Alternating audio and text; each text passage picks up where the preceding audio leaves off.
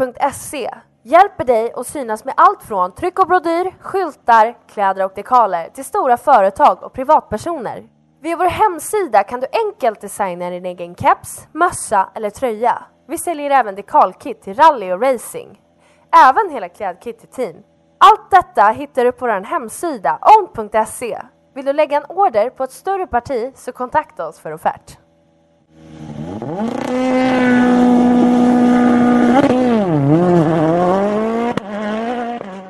Rallypodden presenteras i samarbete med Top Catch Fishing Guide Fiskeguiden för dig som gillar motorsport helt enkelt.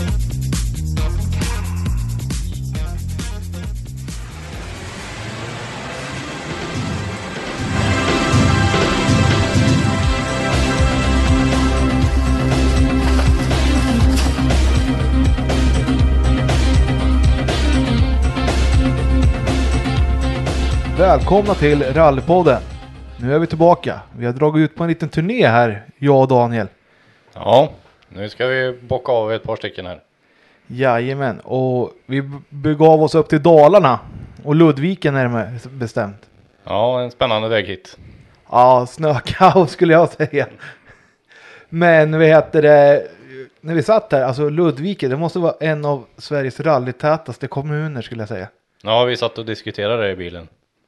Det finns hur mycket namn som helst man skulle kunna spela in podd med, men nu, har vi, nu ska vi ta tre stycken här under den här perioden vi är här.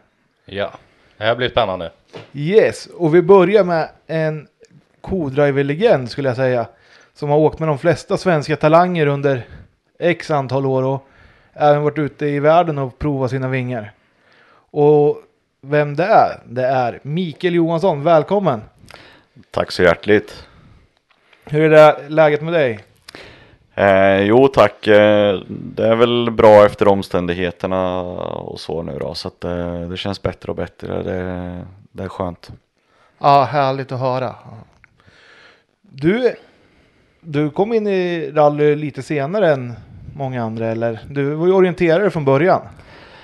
Ja, eh, det var ju så. Eh, kan väl säga ända sedan barnsben så, så har jag väl hållit på med idrott i någon form. eh, Och åt väl mer lunch i, i bilen på väg mellan olika evenemang när jag var yngre än jag åt lunch hemma. Så att eh, jag brukar skämta och säga att eh, jag undrar varför jag jobbar som rektor idag när jag liksom idrott är det enda jag kan egentligen. Ja, det är ju spännande att höra. Men eh, du är rektor nu. Eh, ja, har jag är du jobbat rektor. länge som rektor? Ja, jag började som rektor eh, 09 eh, och före det jobbade jag som idrottslärare. Eh, sen ganska många år tillbaka då. Man börjar bli några år på nacken nu så att det har väl hänt lite i livet. Ja, och det är extremt kul att höra att man kan kombinera det resandet vi kommer få höra du har gjort här med, med vanligt jobb om man säger. Ja, jag har haft fantastisk tur och, och eh, de idrotter jag hållit på med har ju gett mig otroliga möjligheter att se stora delar av världen som man kanske aldrig annars har varit i närheten av. Så det, det har varit en ynnest och det är otroligt lycklig för att få gjort allt som jag har gjort. Ja, om vi ska börja med orienteringskarriären. Du var rätt duktig där, eller hur? Eh, ja, jag har väl någon SM-medalj, eh, framförallt på natten funkar det riktigt bra att springa nattorientering. Sprungit långa natten eh, några gånger både när jag var i Linköping och i Stora Tuna. Eh, aldrig fått lyckas vinna 10 mil tyvärr då, men eh, vi var väl tvåa, trea som bäst något år där och så då. Eh, mm. Jajamän, men om vi går till där vi är här för, rallyt. Hur kom du in i det? Ja, på något sätt så har det väl funnits med sedan barnsben. Jag vet att jag har någon eh, gammal bild när jag sitter på pappas axlar när jag var väl typ tre eller fyra år och vi var ute och tittade på rally och pappa höll på mycket med bilorientering och sådana saker så att den biten fanns väl liksom med egentligen under hela min uppväxt med intresset för rally men eh, Ja, rally är ju något som inte blir förrän man är 18 typ. Eh, och eh, då vart det de andra idrotterna först. Eh, och sen fick jag ändå prova på när jag var, jag tror det var 86 eller 87 någonting sånt när jag var 22, vad blir, eller vad blir det då? Ja, 22, 23 år där någonstans. Men då höll jag ju på med de andra så det vart aldrig liksom någon, någon direkt satsning så. Men jag började åka rally då första gången som kartläsare. Kommer du ihåg vilken som var den första tävlingen du åkte? Jag kommer faktiskt inte ihåg vilken tävling det var jag åkte, men det var säkert någon tävling i Östergötland skulle jag tro. Eh, för det är ju där jag är uppväxt egentligen från början då. Eh, och jag åkte med en eh, som heter Lars Johansson i en 140, en röd, riktig pärla. Ja, där ser man alltså. Det måste ändå varit, hur kom du i kontakt med honom? Ja, jag hade, det var väl genom några kompisar och sådär. Magnus Karlsson som åkte riktigt, riktigt fort där nere på den tiden. Åkte ju en KG Volvo då på den tiden. Och sedermera fortsatte med 240 och så vidare. Och det var väl därigenom som jag fick prova lite så. Sen senare i karriären så kom jag tillbaka och åkte något år med Magnus och vi gjorde ett, eh, ett magiskt år egentligen där vi åkte det måste ha varit 99 eller 2000 där någonstans. Vi åkte tror jag 11 tävlingar och var på pallen nio av de tävlingarna i nationella klassen. Ja, det är ju grymt imponerande faktiskt. Magnus var en otrolig chaufför. eh, Var perfektionist och hade otrolig ordning på allting och hade en riktigt bra inställning till allt det han höll på med. Han eh, var inte bilen färdig och lastad och allting på, på torsdagskvällen, då åkte han inte till en tävling utan allt skulle vara färdigt. På fredagen skulle han kunna koncentrera sig på tävlingen på lördagen. Och, nej, fantastisk kille. Och det, jag kommer ihåg, eh, det måste ha varit något av de där åren där vi slogs rejält med Jari Saarinen in på mållinjen i, i Östgötamästerskapet som var väldigt stort på den tiden då. Och Jari åkte ju med sin eh, Grupp A i skott då. då. Eh, fyrhjulsdrivna och vi med Volvon då. Och det var en riktig kamp in på sista, eh, i Skänninge där till och med där på sista sträckan kommer jag ihåg. Ja, det måste varit spännande alltså, att få uppleva något sånt i, och slåss med Jari i en annan bilklass också. Så där. Ja, det var ju jättespännande eh, och stentufft. Och det, resan där på, på sista sträckan eh, med Magnus, den kommer jag aldrig att glömma. Eh, Jag vet att de som satt i tidbilen vid målet när vi kom dit, de, de trodde att det var fel på klockorna. För vi var så nära Jari då, men eh, Jari vann till slut. Och Jari är jätteduktig och vi är stolta över att vi kunde vara med och hota och vara tvåa då. Ja, det är grymt imponerande. Men när tog du, bestämde dig för att ah, det är rally jag vill satsa på lite sådär eller och åka mer konsekvent än de här inhoppen där i början? Mm. Jag fick eh, en förfrågan när jag hade flyttat upp hit till Dalarna. Jag flyttade upp hit sen eh, 87, 88 där någonstans. Och då var det en kille som ville åka SM eh, och svenska bland annat 93, 94. Eh, så jag började åka honom i en eh, kadett GSI i gruppen då. Och det funkar jättebra med, med noter och notläsning och allt det här direkt från början och så. Men eh, det höll också på att bli slutet på, på rally för min del. Eh, vi ska väl inte gå in så mycket på det men eh, han fick mig att gå in i ett handelsbolag och påstod att det fanns massa pengar och det gjorde det inte. Så de där två åren kostade mig eh, sjukligt mycket pengar att ta mig ur sen då. Usch. Eh, men eh, ja, så då var det sådär, nej jag ska aldrig mer åka rally. Om det är den här världen som rally är då, då får det vara nog liksom. Men som tur var så ringde Lasse Israelsson upp eh, ganska omgående från Vansbro. Eh, och vi började åka SM 97 och sen dess har rally bara varit guld. Ja, det är ju härligt att höra att det, att det kan vända i alla fall. Och vilken idiot som lurar, lurar in dig i något sånt i, så här i början. Ja, fast jag får väl skylla mig själv också. Jag var väl eh, för naiv helt enkelt och sen är det väl tråkigt på sitt sätt då, men jag borde väl ha varit och tänkt till också och inte bara liksom tyckt att det här var det bästa jag skulle göra i livet och såg fram emot att få åka rally och svenska och allt det här. Eh, utan tänkte efter också från andra perspektiv än vad jag gjorde då. Så det var, det var en bra lärdom eh, på sitt sätt så. Men ändå rätt häftigt att hoppa in så tidigt och läsa noter. Jag tror att du hade mycket hjälp från orienteringen där.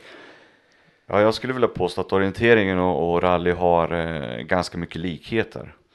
Framförallt i hur man mentalt behöver tänka och förbereda och sådana saker. Och, jag menar orienteringen så måste du ha framförhållning, du måste bestämma vilken väg du ska ta för att ta dig snabbast mellan punkt A och B. Rally också handlar om att ta sig snabbast mellan punkt A och B. Och jag som kartläsare och samarbetet med en chaufför är ju på det här sättet att jag kan inte ligga efter där för då är det kört. Eh, och då blir det inga tider överhuvudtaget liksom. Utan man måste liksom vara fokuserad på det man håller på med.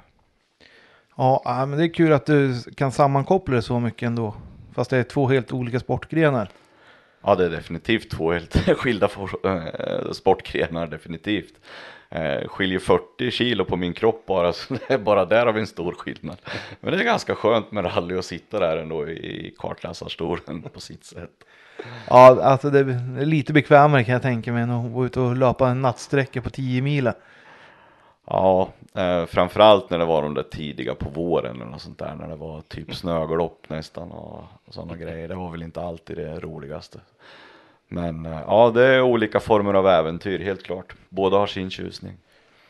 Exakt. Men då åkte du med Lasse där under, var det 2000? Nej, 97, 98 då 97, 98, eh, ja. åkte jag med Lasse. Och då eh, åkte vi ju i team ihop med Mats Jonsson bland annat. Då var ju Bosse Bergstedt som har, hade Bobi plastindustri i Vansbro som, eh, som hjälpte oss då. Eh, det, var, det var en himla kul tid tillsammans där allihopa. Du, det kan jag tänka mig. Och skönt att ha lite närhet till den man åker med också. Ja, det var också jätteskönt. Vi kunde ju alltid åka tillsammans på tävlingarna och sånt där från start och så. Så att, eh, nej, det var positivt och kul. Ja, var det här du fick tillbaka glädjen för alla och att du kanske skulle gå in med det lite mer helhjärtat alltså? Ja, det blev så. Jag, jag började jobba eh, nere i Eksjö på Riksidrottsgymnasiet eh, för orienterare som tränare och instruktör då eh, 96-97 där någonstans. Och det tog tyvärr död på liksom mitt orienterande. Det vart alldeles för mycket.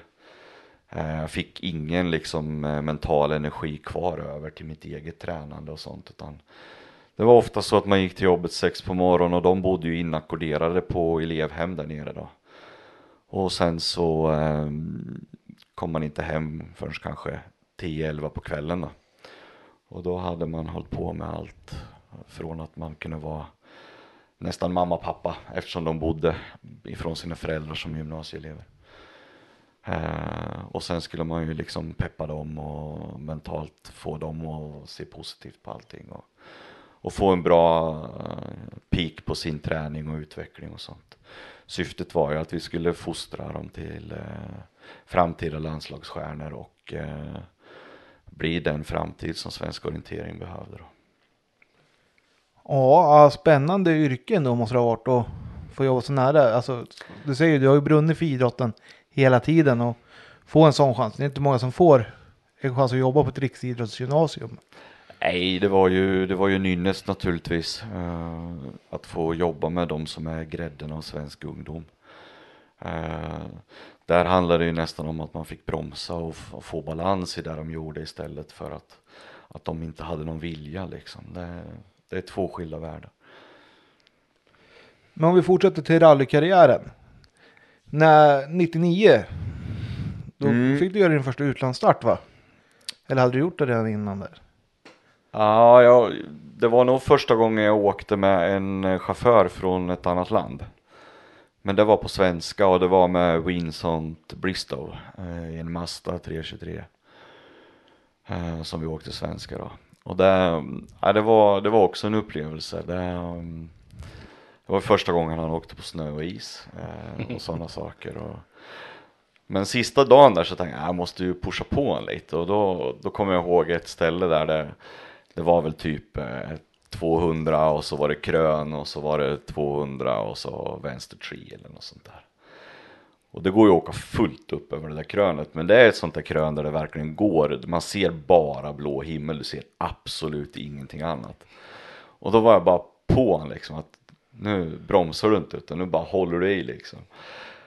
Och sen när vi hade, man flög väl lite grann men inte liksom något sånt här jättefarligt på något sätt så. Men jag vet att när vi sen kom i mål på sträckan och direkt efter mållinjen så satt han bara och skakade på huvudet och så crazy sweet, crazy sweet. Ja, härligt ändå att- att få uppleva något sånt. Hur kom, hur kom du i kontakt med honom då? Ja, det, alltså hur det där gick till och hur jag hamnade där, det, det måste jag säga att mitt, mitt eh, minne sviker faktiskt lite grann kring hur jag kom i kontakt med han. Men Det var inte året innan. Du var ju över och åkte i England året innan va? Med Peter. Eller Petter. Ja, Åkerström. Petter Åkerström åkte jag i England med då. Men det var, det var ingenting därifrån tror jag. Som gjorde att vi kom i kontakt med varandra. Så, Nej. men nej. Jag undrar om det inte var. Ja, kan det ha varit, vad är det hon heter på Svenska rallyt? Eh, undrar om det inte var hon som hade, att en förare hade hört av sig liksom och det var han. Om att han ville åka men han hade kanske ingen kartläsare och frågade om det fanns någon här i Sverige som kunde åka med engelska noter och så. Okej, spännande. Mm. Var det första gången du åkte svenska? Eh, nej, eh, första gången jag åkte svenska var 93. Men Då gick det ändå rätt fort till att komma till en VM-tävling från där du började åka kartläsare. Eh, ja. är det det där med tävlings, alltså, tävlingsmänniskan i dig som har gjort att du ville prova på så stora äventyr så fort? Eller? Ja, kanske, eller så förstod jag inte bättre, jag vet inte. Nej, men det är väl så. Jag har alltid haft en extrem tävlingsjävel i mig och uh, det, mm, ja, det bara finns där den där drivkraften och nu på äldre dagar så har jag funderat många gånger på liksom att alltså kan du inte bara sluta liksom, det borde ju räcka nu liksom, men ändå så Nej shit, när det börjar med SM-säsong eller något sånt här så känner jag bara att jag vill sitta i någon bil där jag liksom kan, kan vinna SM igen liksom. Det, nej, det, det bara finns där, jag kan inte förklara. Ja, det måste vara en häftig känsla när man väl har det. Även nu när man börjar bli lite äldre som du säger. Att det fortfarande finns kvar i den här tä- tävlingshjärnan och tävlingsinstinkten. Jag brukar, jag brukar säga så här att alkoholister och så kan man hjälpa, det finns det behandlingshem för. Men jag har inte hittat något behandlingshem för oss som är rallyfolk än så länge. Nej, det kanske är tur det.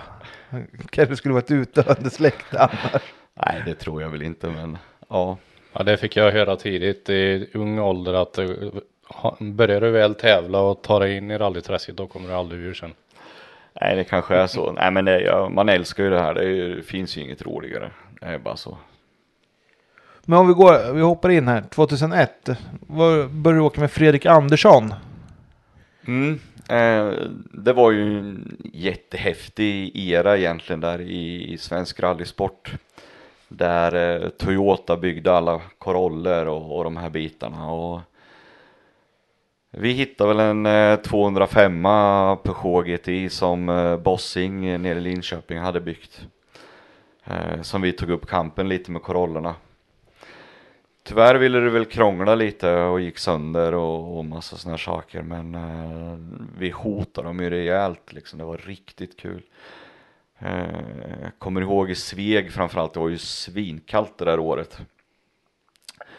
Eh, vi var med på första och sen så bar det iväg eh, på några, två långsträckor. Men det var ganska kort transport emellan om jag minns rätt.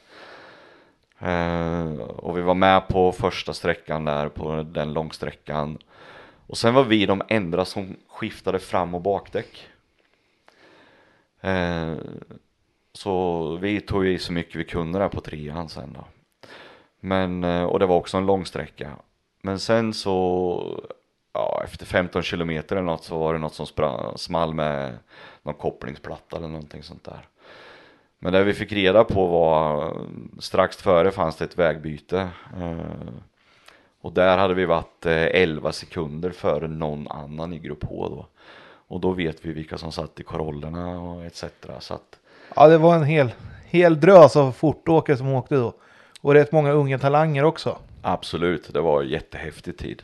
Skönt att eh, ändå få lite bekräftelse från eh, någon som tog tid eller att ni såg det på tiderna att ni var så mycket före ändå.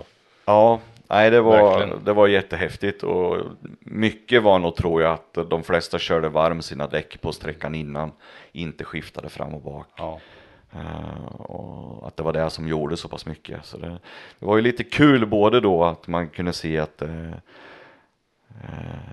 tanke och taktik kan ha positiv effekt och eh, att sen att vi kunde se att tiderna definitivt fanns där. Om, om, ja, när det blir ett sånt nederlag att man måste bryta och så. Ja, det var ju inte kul där att stå sen kan Nej. jag säga. Det var ju svinkallt och då var de ju tvungna att först stänga ner tvåan för att sen ta sig till trean. Så det, vi stod några timmar där i, i mörkret.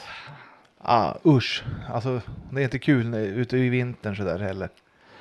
Nej, det var inte kul. Jag har ett annat minne när jag bröt eh, som vi kan ta lite senare sen när jag var i Mexiko. Det var mycket trevligare. Du, det, Det låter lå- trevligare. Låter skönare i alla fall. Så. Men ja, ni hade kanske en liten motig säsong. Det var mycket tekniska bekymmer och så med den här personen va? ja, det visade väl sig sen att det var någon form av eh, brytning mellan lådan och motorn. Men det fick man ju ordning på sen då. Så vi gjorde ju ett riktigt bra resultat. Jag kommer inte ihåg om det var Eskilstuna eller Katrineholm tror jag. Ja, GJ, det är ju Eskilstuna, GJ Ja. bilen pokalen blev ni ju sexa i grupp H. Ja, men då vet jag att vi var med också länge och slogs högst upp. Vi gjorde något litet misstag så vi tappade lite eh, så. Tunström har jag för mig åkte riktigt fort då bland annat. Ja, nej men det var ju som sagt mycket koroller i toppen där under, under början av 2000-talet. Mm.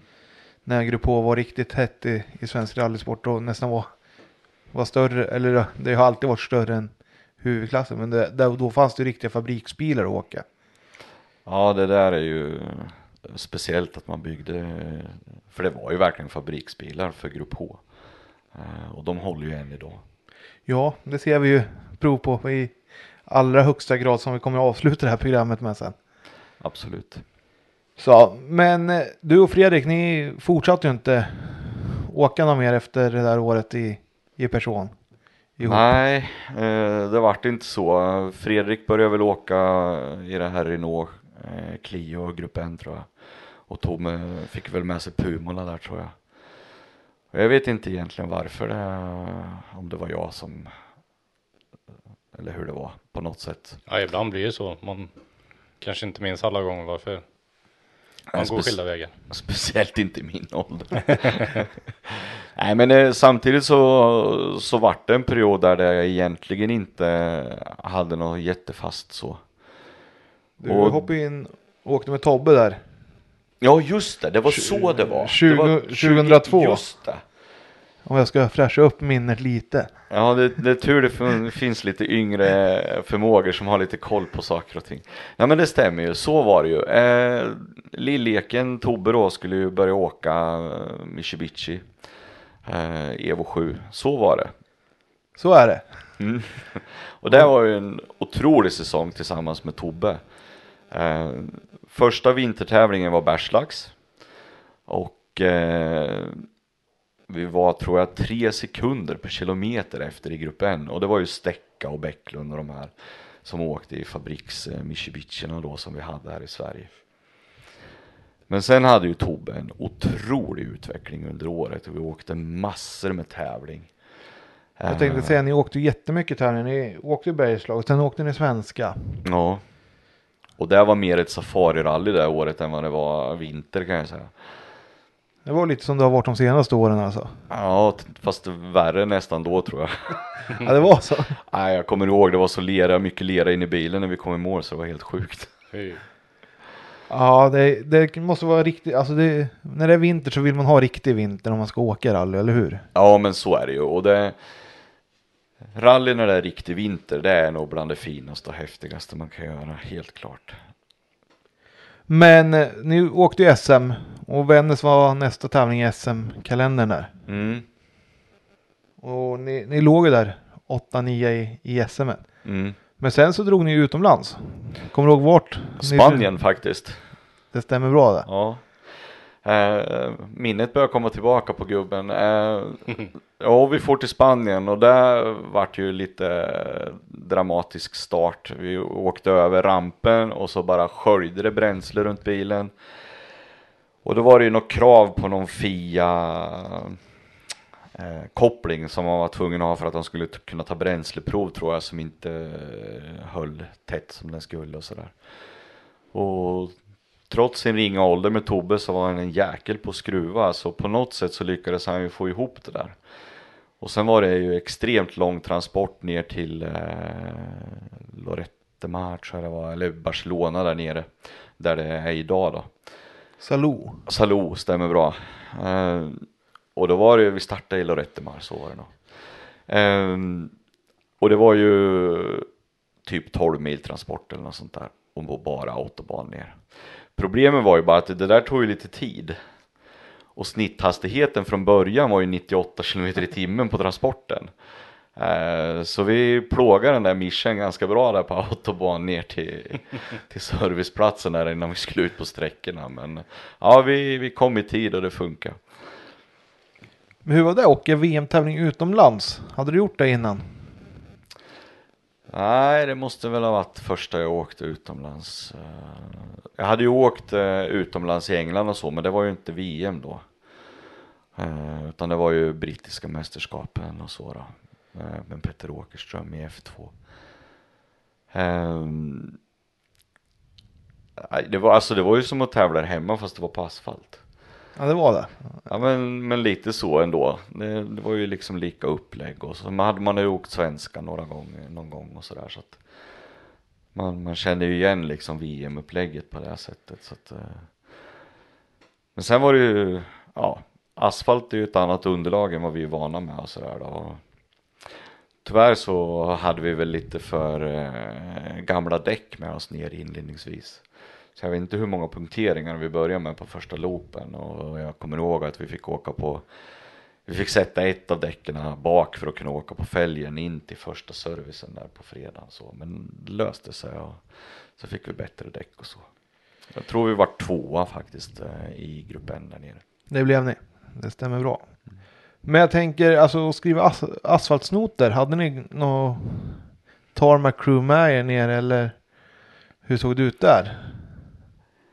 Eh, om jag inte missminner mig så, så hade vi lite hjälp med och hade eh, lite underlag på en del noter och sådär som, som någon annan svensk hade haft och sådär. Eh, men annars gjorde vi det mesta själva och Tobbe har alltid varit liksom duktig på att eh, göra sina egna noter då. Så att eh, det var inte några större bekymmer faktiskt.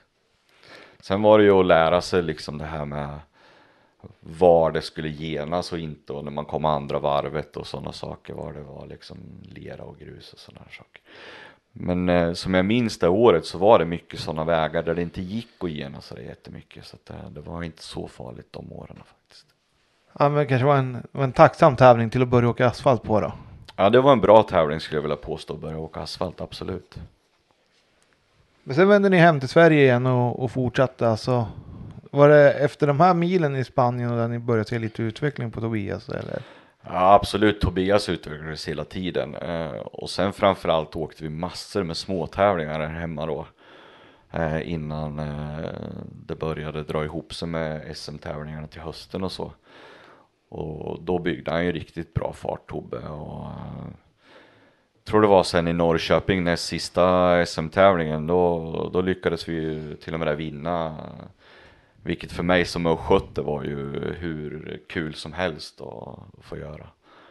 Ja, det kan jag tänka mig och alltid kul att få vinna sin hemmatävling om man säger alltså från grund och botten.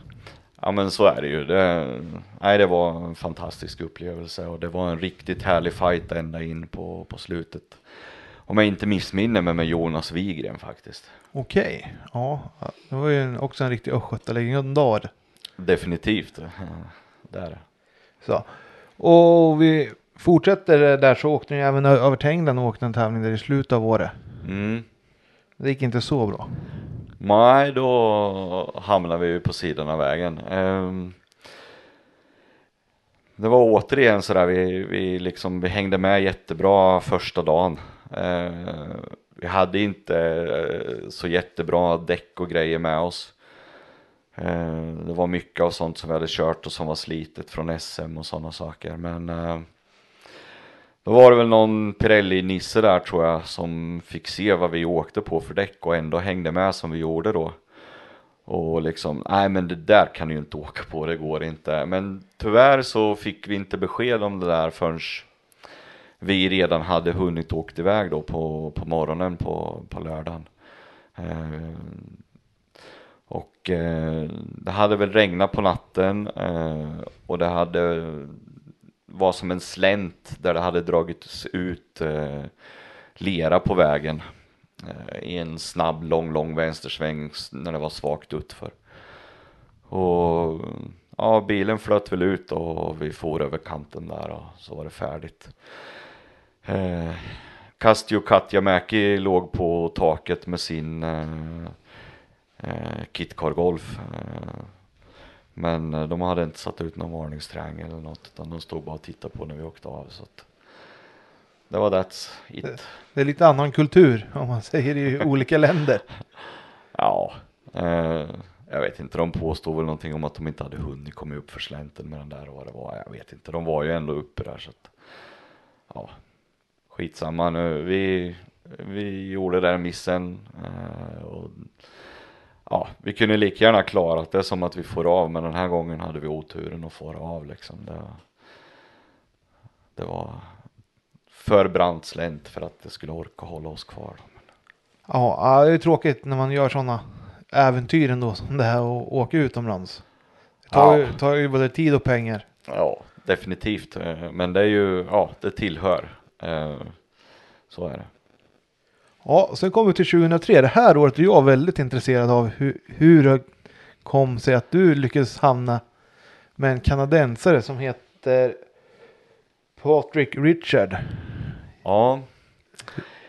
Ehm, det var så att de var här, han skulle åka grupp N-VM, eh, Patrick Richard.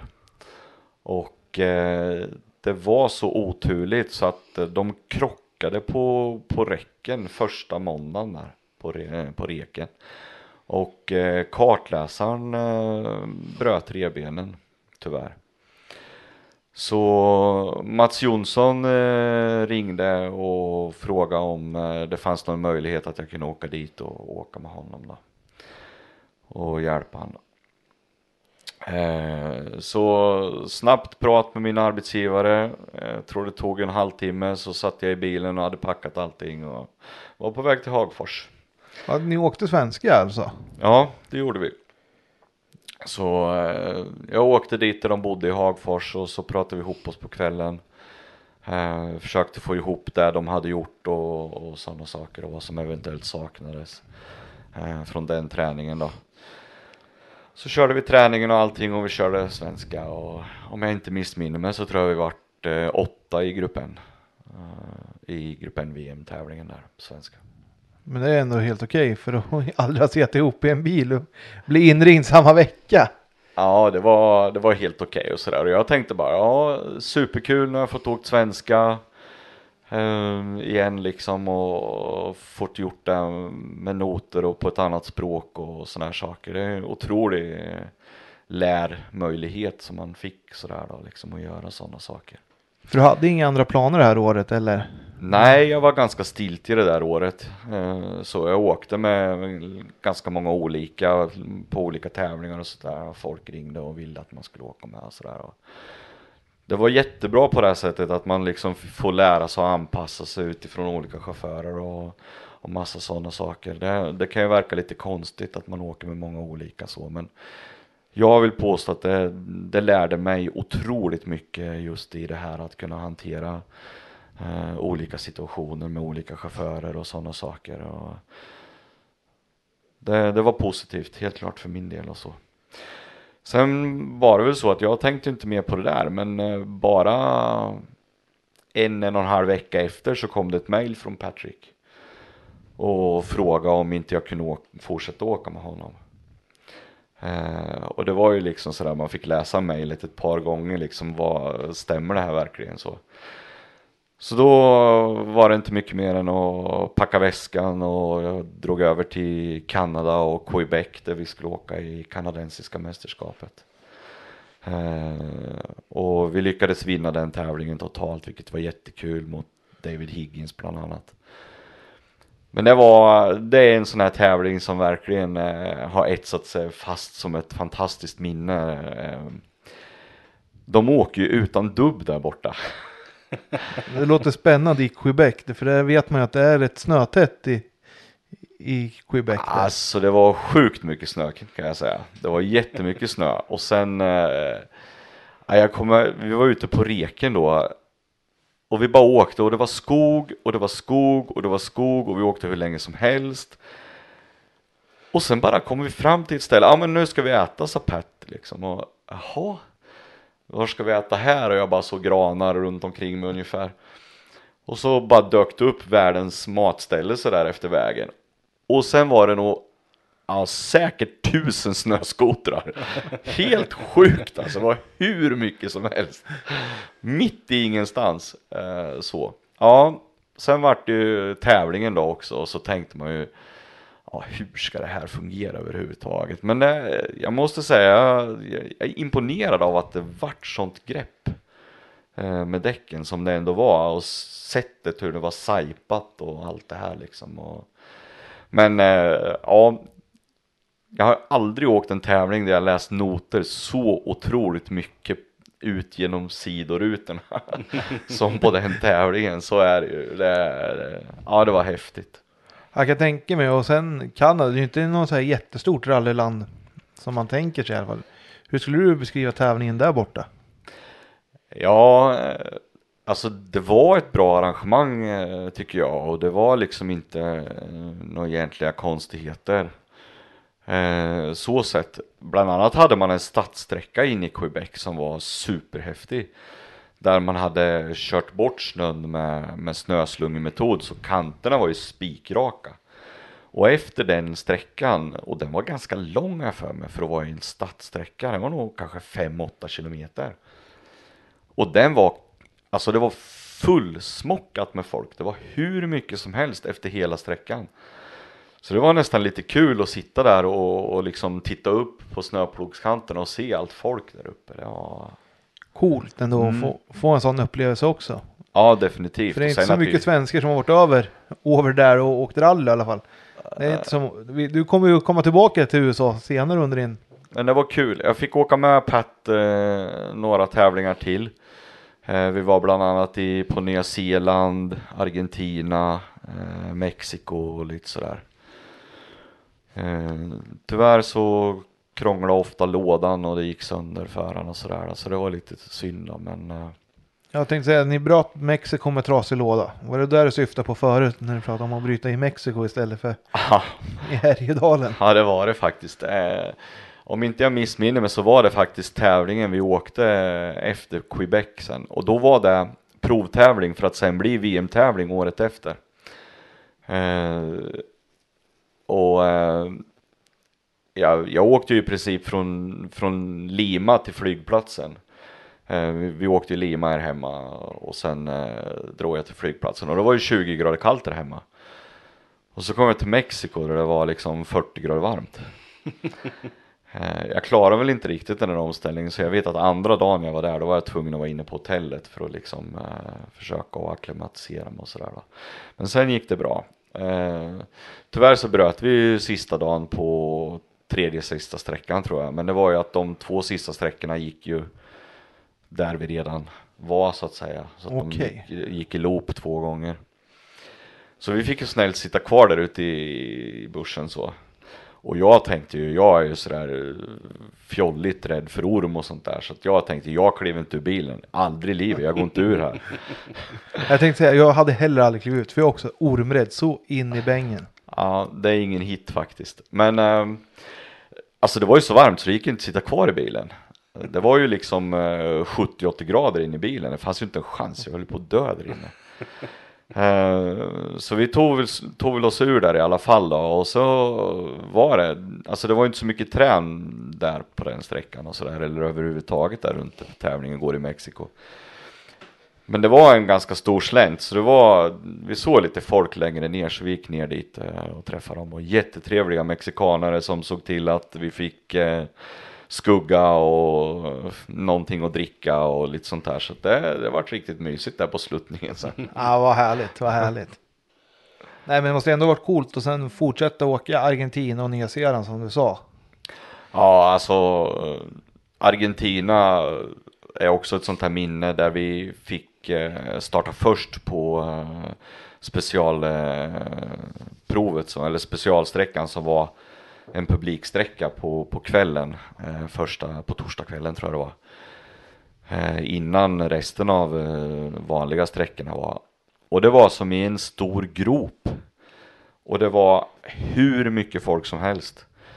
Och jag kommer inte ens ihåg vem vi mötte i det hitet för man åker mot varandra gjorde man där. Eh, precis så som vi har haft på, på Färjestad, eh, travet till exempel och uppe i Falun på Lugnet och sådana grejer. Och när vi stod där på starten och det var liksom hörde man alltså folket in i bilen. Det var sånt liv, det var helt sjukt. Så liksom när det var 30 kvar så hör man liksom bara in i bilen hur de liksom bara vrålar liksom. Och det har jag ju fått fatta efteråt att de räknar ju ner helt enkelt. Och så när det var 15 och så 10, 9, 8 liksom. Och det var ju nästan sådär som man satt och glömde bort vad man skulle göra egentligen. Det var liksom helt magisk upplevelse att kunna höra hela det här publikhavet in i bilen. Det var helt sjukt. Häftigt. Så det var jättehäftigt. Ja, det, det är något du inte kommer uppleva så många gånger till tror jag. Nej, det är väl tveksamt.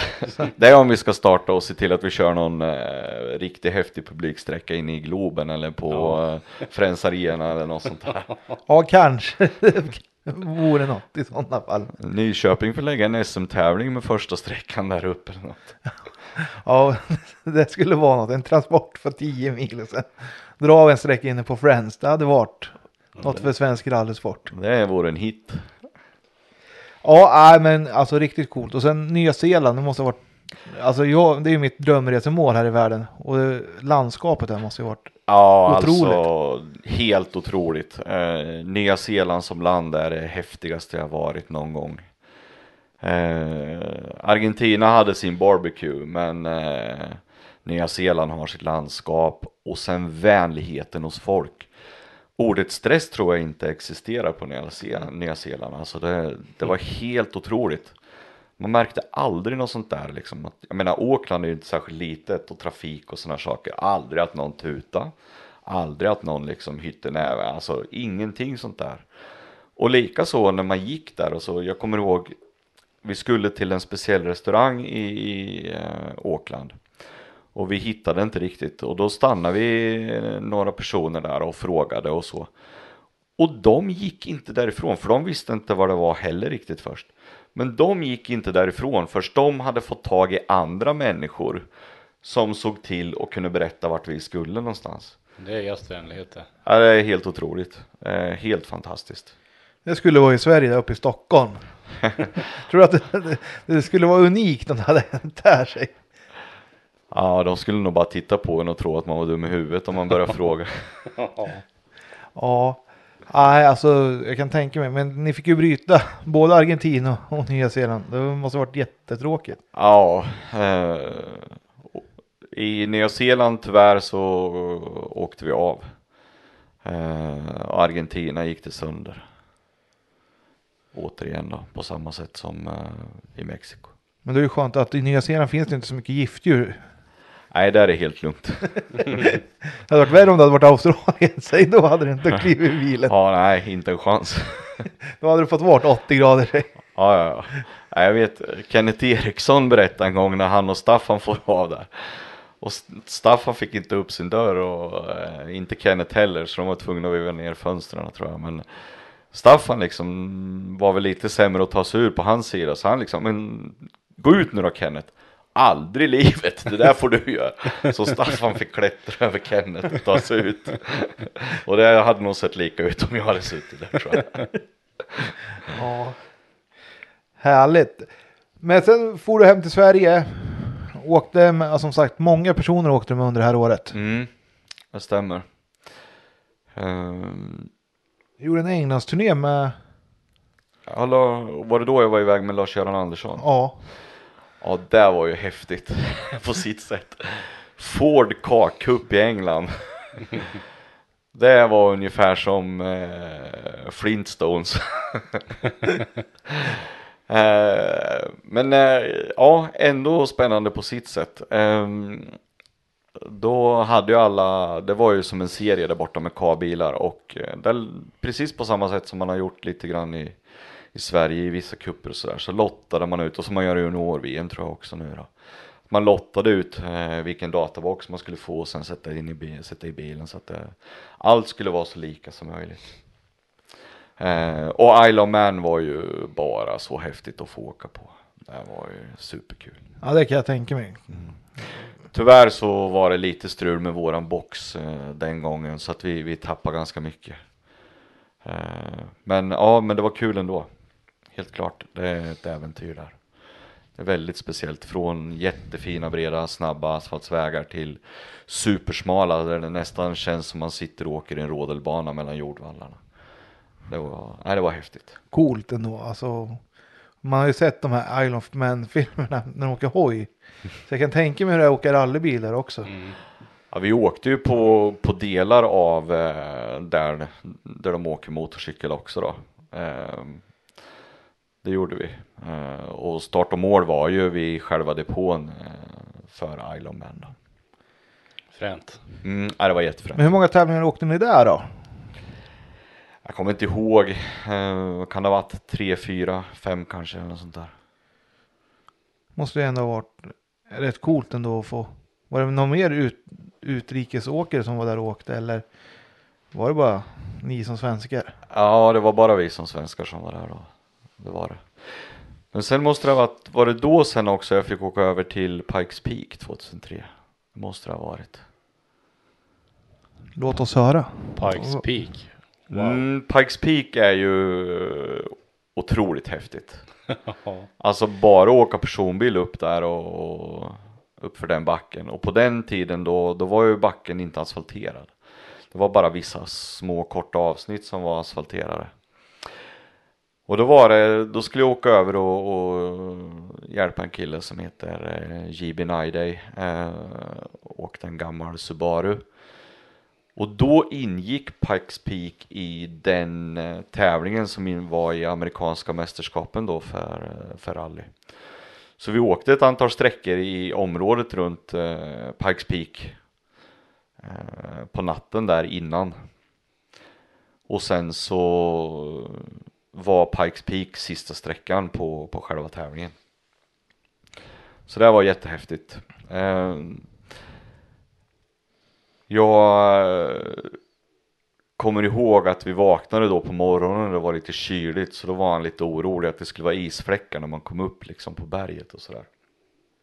Och det är ju ganska, ja det är ju inte direkt pulkabacke om man åker av kan jag ju säga. Utan det, det tar ett tag innan man landar igen. Eh, så han var väl lite orolig och sådär. Men eh, det gick ganska hyfsat upp för backen där tills det var typ 500 meter kvar. Då hade han väl använt kopplingen lite för mycket. Så då vart vi stående och då, jag min tävlingsnörd, jag tänkte så här. "Jag Ska fan bära upp den där bilen om jag så ska upp till målet på backen. Eh, ja, men vi stod väl där ganska länge eh, tills vi sa liksom, men vi måste ju prova om det inte går ändå igen liksom. Och lyckades ta oss upp, så jag skulle gissa att vi är de som är absolut långsammast upp för Pikes Peak någonsin. Ja, men det är i alla fall en merit det också. Ja, om det nu är en merit vet jag inte, men det var en upplevelse i alla fall. Ja, men en liten, alltså du, du hade det ju som en liten merit i alla fall att få åka upp där. Ja, men det var det ju. Eh, absolut. Och det, det som nästan var häftigast, det var ju att åka ner sen. För det är ju, backen är ju typ två mil. Eh, och eh, det var ju sakta mak nerför och jättemycket folk och high five i princip hela vägen ner med all publik. Eh, på ett led med alla andra tävlande då. Så det var, ja det Coolt. lite annorlunda. Ja, mycket cool. Låter ju hur häftigt som helst. Så fick du åka lite Super 1600 bil också. Ja. Med Jimmy Joge. Det stämmer. Ehm, det var väl på, på slutet där av 2003 som eh, det vart Spanien igen då. Eh, Exakt. Och med Jimmy. Eh, en tävling som eh, strulade en hel del. Det började väl med första tre sträckorna att inte kommer, inte kommer inte funka.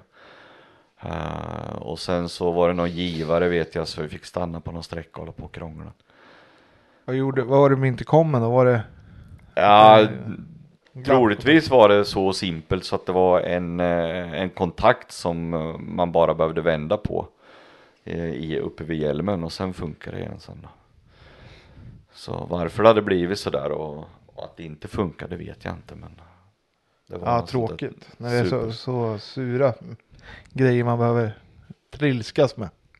Ja, det var lite tråkigt. Eh, Jimmy la ju ganska mycket pengar själv på det där också så att eh, det var lite synd. Och, eh, Men hur kom det sig att du hamnade hos honom då? Ja, John Stig åkte ju med, med Jimmy.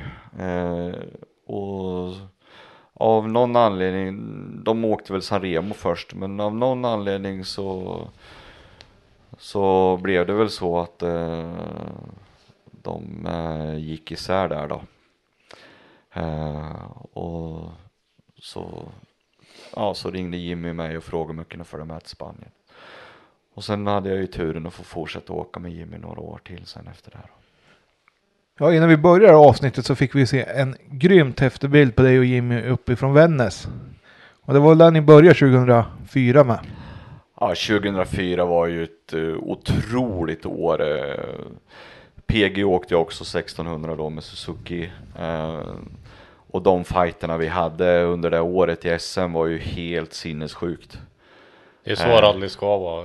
Riktigt tajta battles mellan alla och Ja, absolut. Eh, jag tror om jag, om jag räknar rätt på det där, men, eh, och det är ju i och för sig länge sedan så, men om jag kommer ihåg rätt så på de tävlingar där vi räknade poäng och där de räknade poäng så skilde det inte mer än typ 1,20 till deras fördel på hela säsongen. Alltså det var en Oj. helt magisk fight. Och en del av det började ju upp i Vännäs. Ehm, redan på kvällen så testade PG en grej som eh, vi hade testat innan. På den tiden då, då var det ju nästan bara traktormönster som gällde på de där bilarna. Eh, men PG ville få fast bakänden om jag minns rätt lite mer så han la på eh, de här andra som man använder mer på fyrhjulsdrivna bilar då. Och det här mönstret. Det var ju bara det att eh, det där hade Jimmy testat på något test. Så Jimmy eh, trodde ju inte att det skulle gå utan att det skulle bli väldigt understyrt och det vart det också.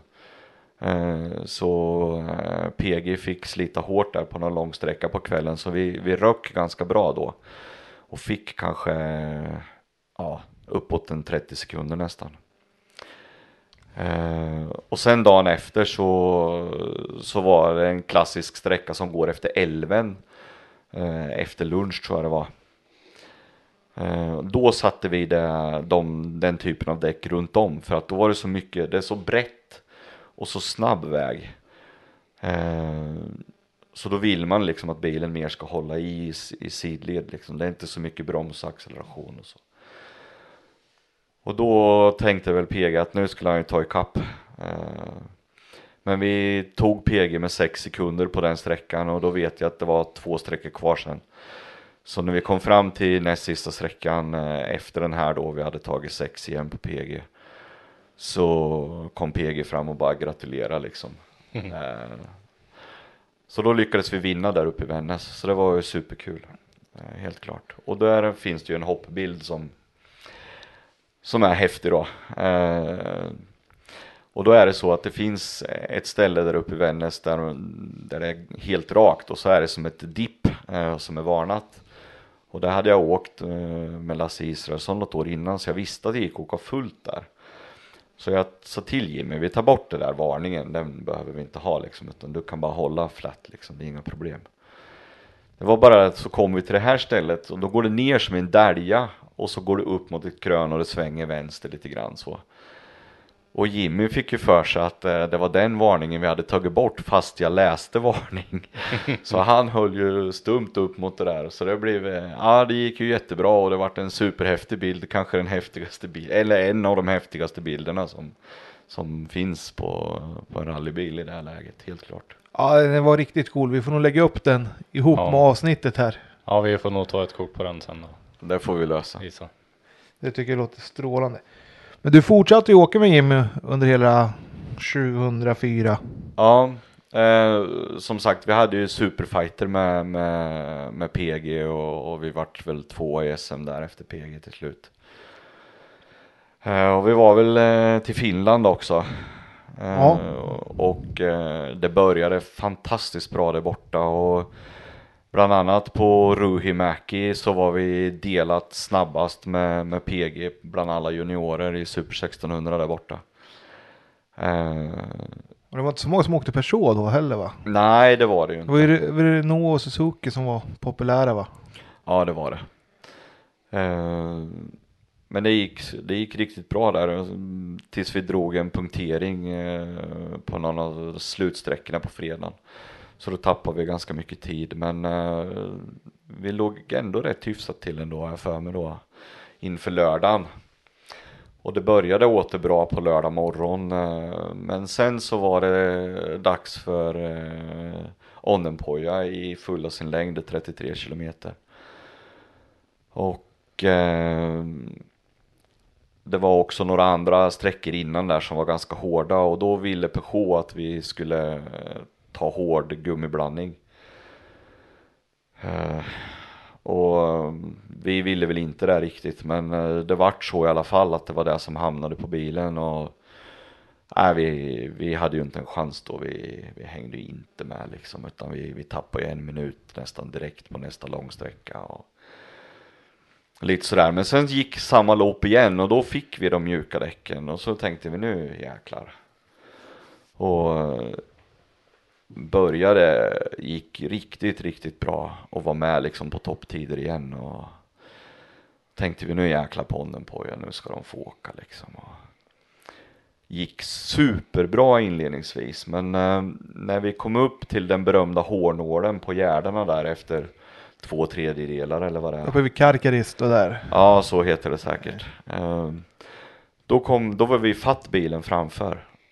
Och jag anser ju att han skulle ha sett oss i hårnålen, men eh, tyvärr inte. Ehm, Så efter det så vart det superdammigt och där man skulle kunna åkt fullt på sexans växel så stod det ju still. Det, vi, det gick inte. Eh, det var totalt livsfarligt så det var bara att backa av. Och sen precis på slutet, ja då får han ju av i en ganska känd vänster över ett krön när man kommer ut på sista allmänna delen. Av den med Gärdet.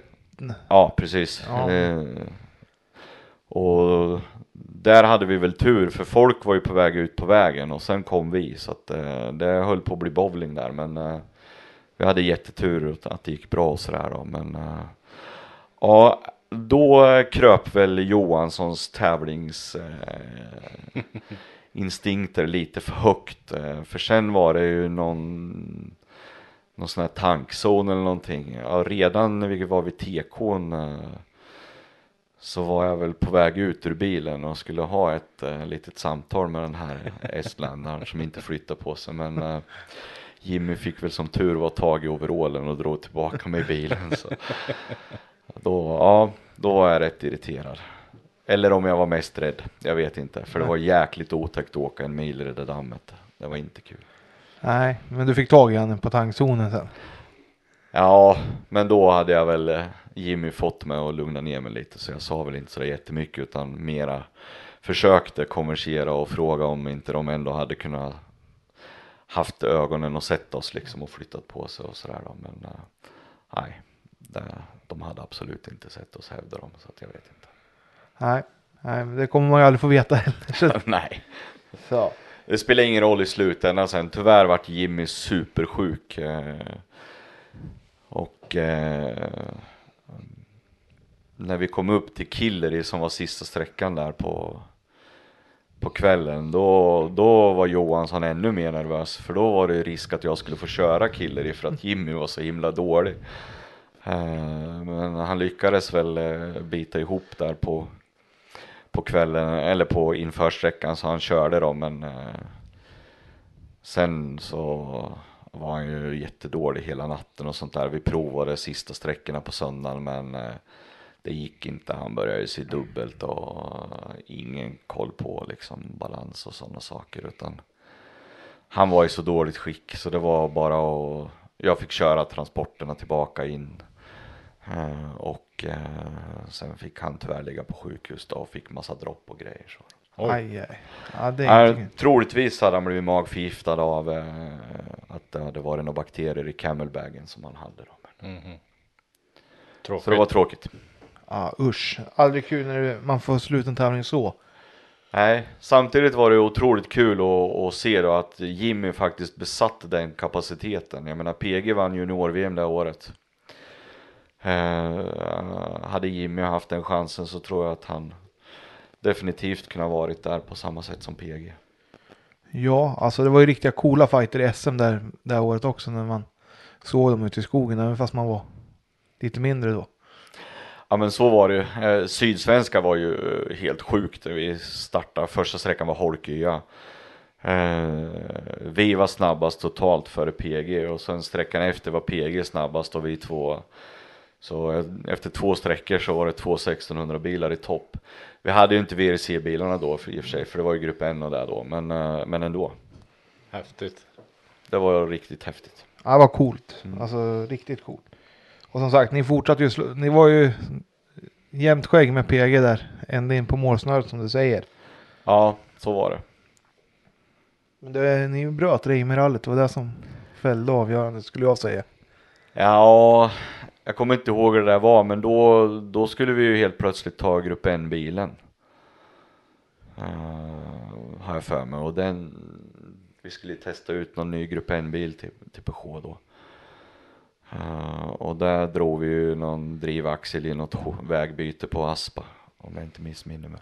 Åh, Och det är ju sen, men det var ändå kul för det var ju sen den bilen som som eh, ja gud nu tappar jag namn bara. Robin Sandberg vann SM i grupp N året efter med sig. Okej, Mm. där ser man. Ja, för ni gick över och skulle åka lite andra bilar. Mm. Jättetråkig bil. Ja. Vill du berätta vad det var för bil?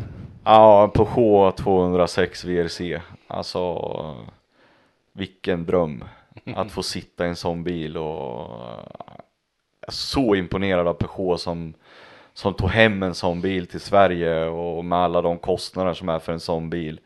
Jag kommer inte ihåg helt men jag har för mig att man pratar om att det kostade 7-8 miljoner liksom att köpa den där fabriksbilen. Uh, och sen driva den här i Sverige. Ett fantastiskt jobb av Gert Blomqvist och Lena Lindberg som höll i det där. Och Brinkenberg på Peugeot som liksom stöttade allt i det där. Uh, helt fantastiskt. Kommer aldrig att glömma när vi flög rejält första gången med, med den där jädra Peugeoten och um, vi skulle landa på vänster framhjul och jag tänkte, jaha, var ska det här ta vägen? Och det hände absolut ingenting. Bilen satt som ett strykjärn på vägen och då insåg man liksom Okej, det finns kapacitet i den här bilen. Här är det bara att sitta som hemma i soffan och njuta liksom av, av det som är en otrolig bil. Ja, alltså det är, jag, det är en av mina favoritbilar. Nu har ju VRC haft någon omröstning där. Och 206 tycker jag är en av de snyggaste och häftigaste bilarna som, som har gått i rallyskogen. Jag är helt enig med dig, absolut. Så. Men eh, ni åkte ju faktiskt hela SM med. Ja, Men, det eh, gjorde vi. Eh, tror vi slutade tvåa det året så, Ja, i VRC. men hur- alltså känslan att få ta med den ut på gruset sen efter vintertesterna och vintertävlingarna. Ja, nej, så det, det är svårt att beskriva vilken eh, enorm kapacitet det finns i en sån där bil och, och vad man kan göra med den och sånt där. Och sen, alltså det var så himla kul också som Jimmy då, eh, sydsvenska. Sista dagen kommer jag aldrig att glömma, då, då vann vi ju sex raka sträcksegrar där med, med bilen. Och vi kom ut efter första sträckan och vi var totalsnabbast. Och så hör jag liksom Jimmy börja muttra lite i headsetet på vägen till nästa sträcka och liksom ah, inte riktigt bra liksom. Och, så, och jag tänkte vad, vad håller du på med? Vi, vi var snabbast liksom. Vad, vad är, du ska inte ändra någonting nu. Nu ska vi bara fortsätta liksom. Ah, måste ut och skruva lite. Så var han ute och knäppte på stötdämparna eh, inför nästa sträcka. Och så kom vi i mål på den sträckan och så var vi snabbast totalt igen på den sträckan.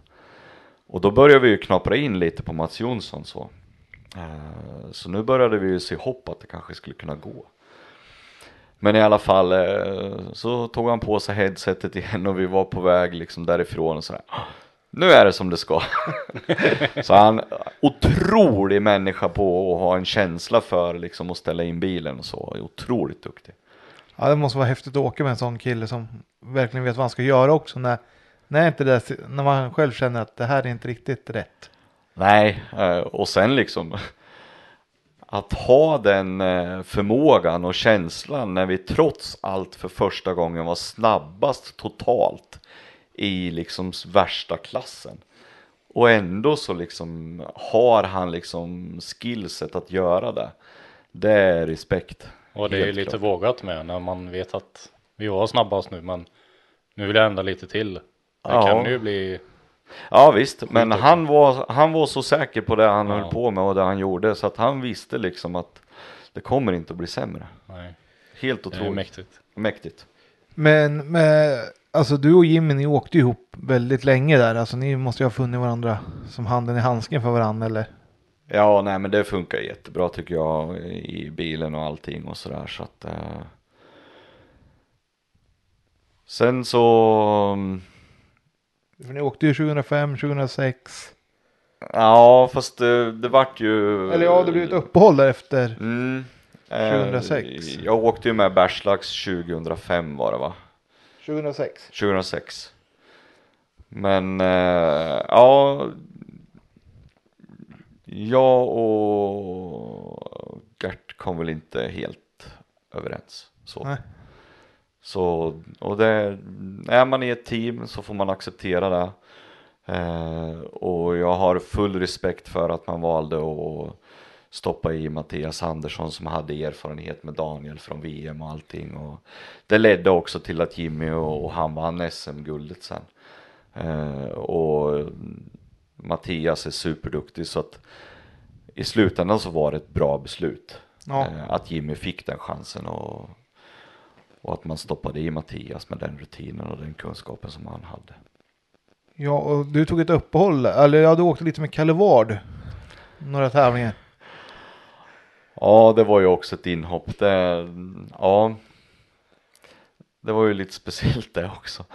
Eh, Hässleholm glömmer jag aldrig. Bilen började krångla på vägen ut till första misstände och lite här grejer. Och jag tror det, det tog väl inte mer än 400 meter eller något så small det i någon stubbe och så stod vi där.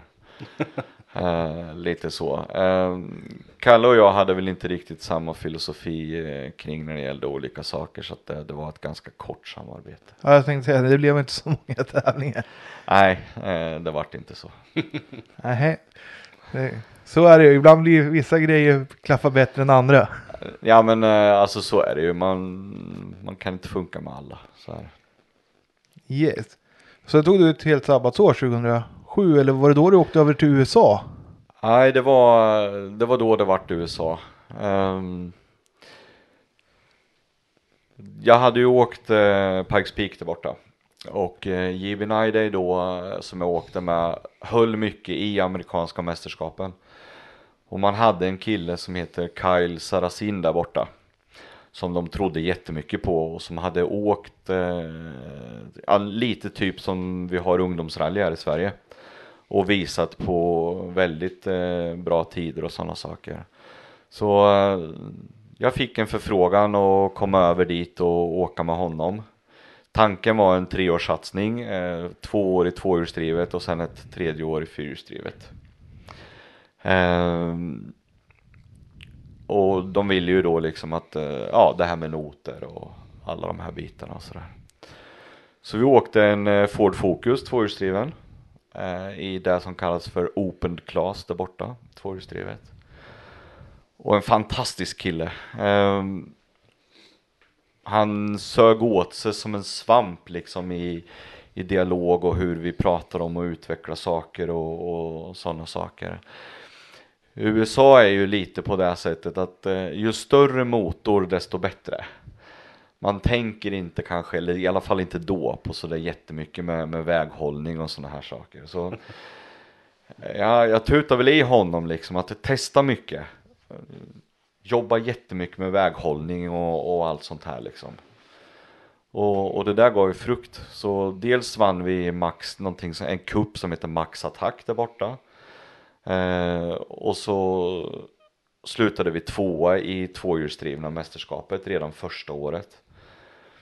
Eh, otrolig utveckling och, och, hur han lärde sig och åkte otroligt bra.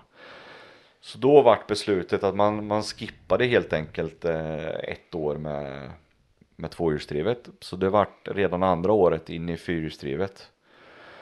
Eh, och nej, otroligt imponerad av hur snabbt han lärde sig och sådana saker. Och redan, redan efter halva säsongen så var vi totalt snabbast på, på någon av sträckorna där i det som heter STPR då. Uh, och så då var han den yngsta föraren någonsin som har varit totalt snabbast. Uh, och han vart uh, Rookie of the Year och massa sådana saker där borta.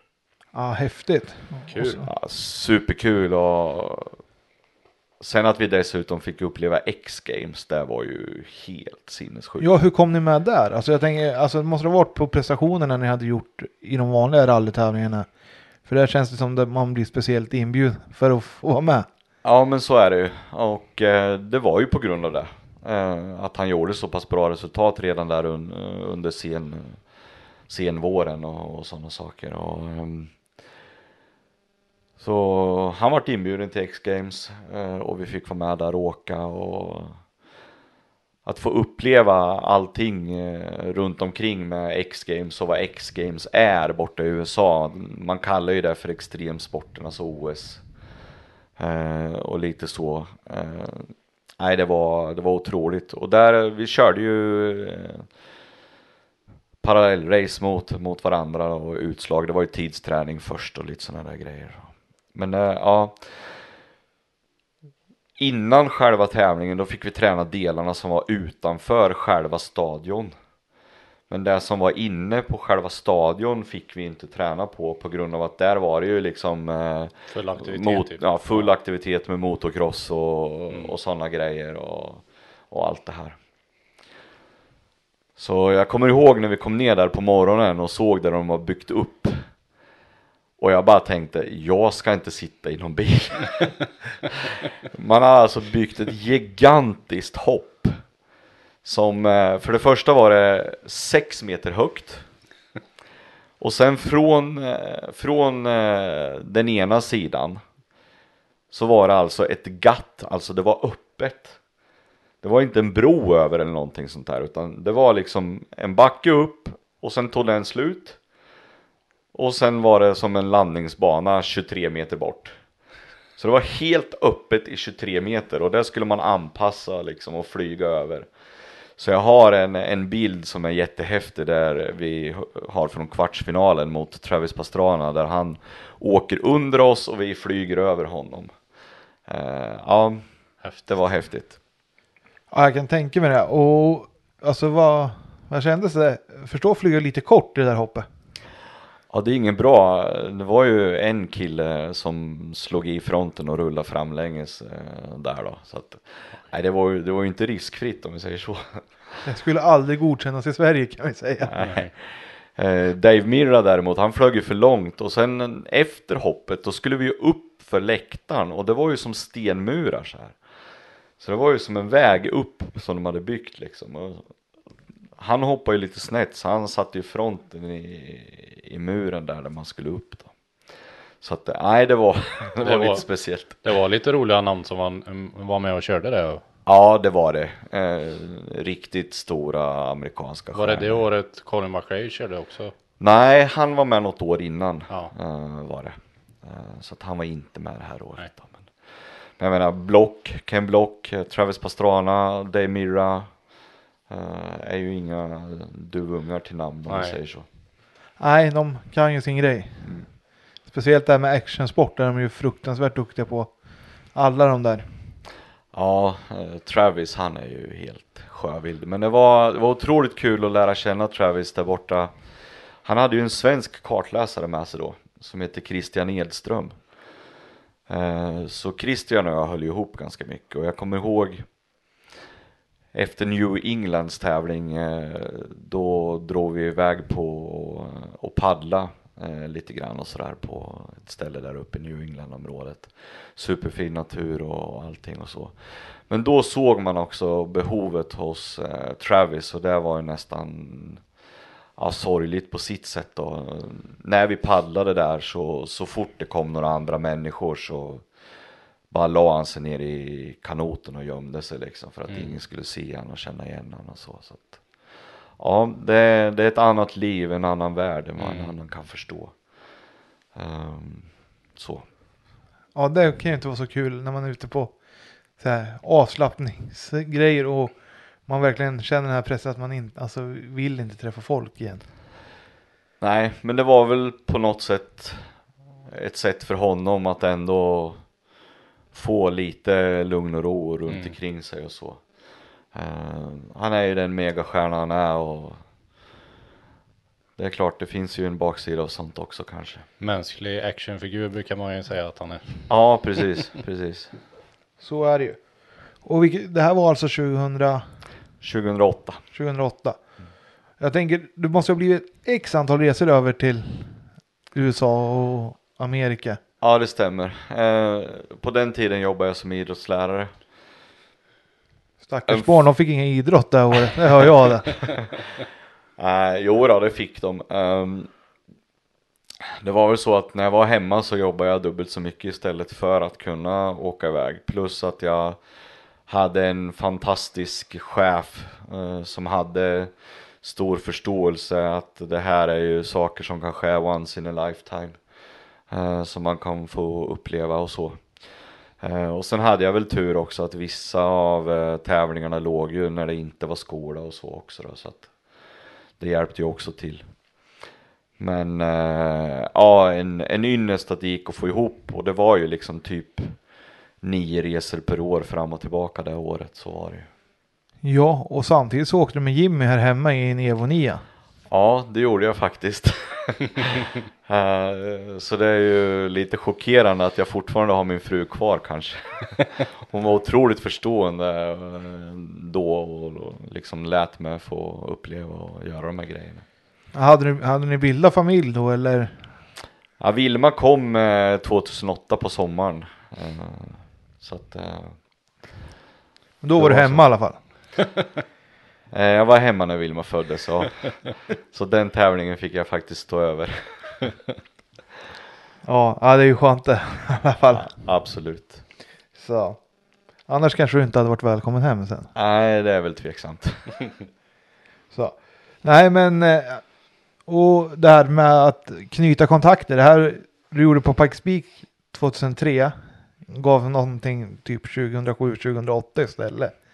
Ja, alltså det är ju en saga egentligen som är, det är ju som tur så man begriper ju inte vilka möjligheter man har fått egentligen. Det är ju någonting som man måste vara otroligt ödmjuk och tacksam över att eh, det har varit på det här sättet. Eh, och när det gäller USA och de bitarna så måste jag ju tacka Arne Coralba jättemycket. Han var ju eh, Eh, en stor del i att eh, stötta mig i de här grejerna när jag liksom för att dels komma dit bort och, sen för att kunna vara där borta och åka. Eh, det var ju en hel del runt honom och hans kontakter också som gjorde att det blev som, som jag fick de här möjligheterna. Arne var ju den som hade rekommenderat mig då när det gällde Pikes Peak då och, och stötta mig i att få komma bort dit då. Eh, så Arne har haft en jättestor betydelse för mig på det här sättet. Och där skulle jag vilja säga också att det som har lärt mig oerhört mycket genom åren med det här med att, att vara kartläsare och noter och sådana saker så har jag haft turen och, och fått vara med först i början med, med Bruno när han skrev noter eh, och sen också med Gunnar Bart eh, också ut och åka på, på tävlingar och vara med när han gjorde noter och så. För det var ju så att vi, vi fick ju inte skriva våra egna här hemma och då får man ju inse liksom att de noter vi får, det är ju någon annan som har gjort bedömningen. Det är ju inte den jag tävlar med som har gjort det utan det måste man ju acceptera och, och försöka förstå och det var otroligt nyttigt att vara med dem och lära sig då att att försöka och förstå hur de tänkte och hur de la upp det här med arrangörsnoter och sådana saker och det, det är något som jag tror vi ska vara otroligt tacksamma för här i Sverige att vi har. Ja, och det ger ju som sagt helt andra möjligheter också. Och när du får de här arrangörsnoterna, det är inte många andra länder som har så som vi har. Ja, idag är det nog ganska många länder som har och börjar ha och har haft under en tid så, men då var det ju inte det. Eh, så det är helt sant. Så. Ja, men eh, tillbaka med Jimmy där då. Hur, du hamnade hos honom efter hans avslut med Peugeot där. Ja, det blev så. blev det Evo. Ja, så var det Evon. Um,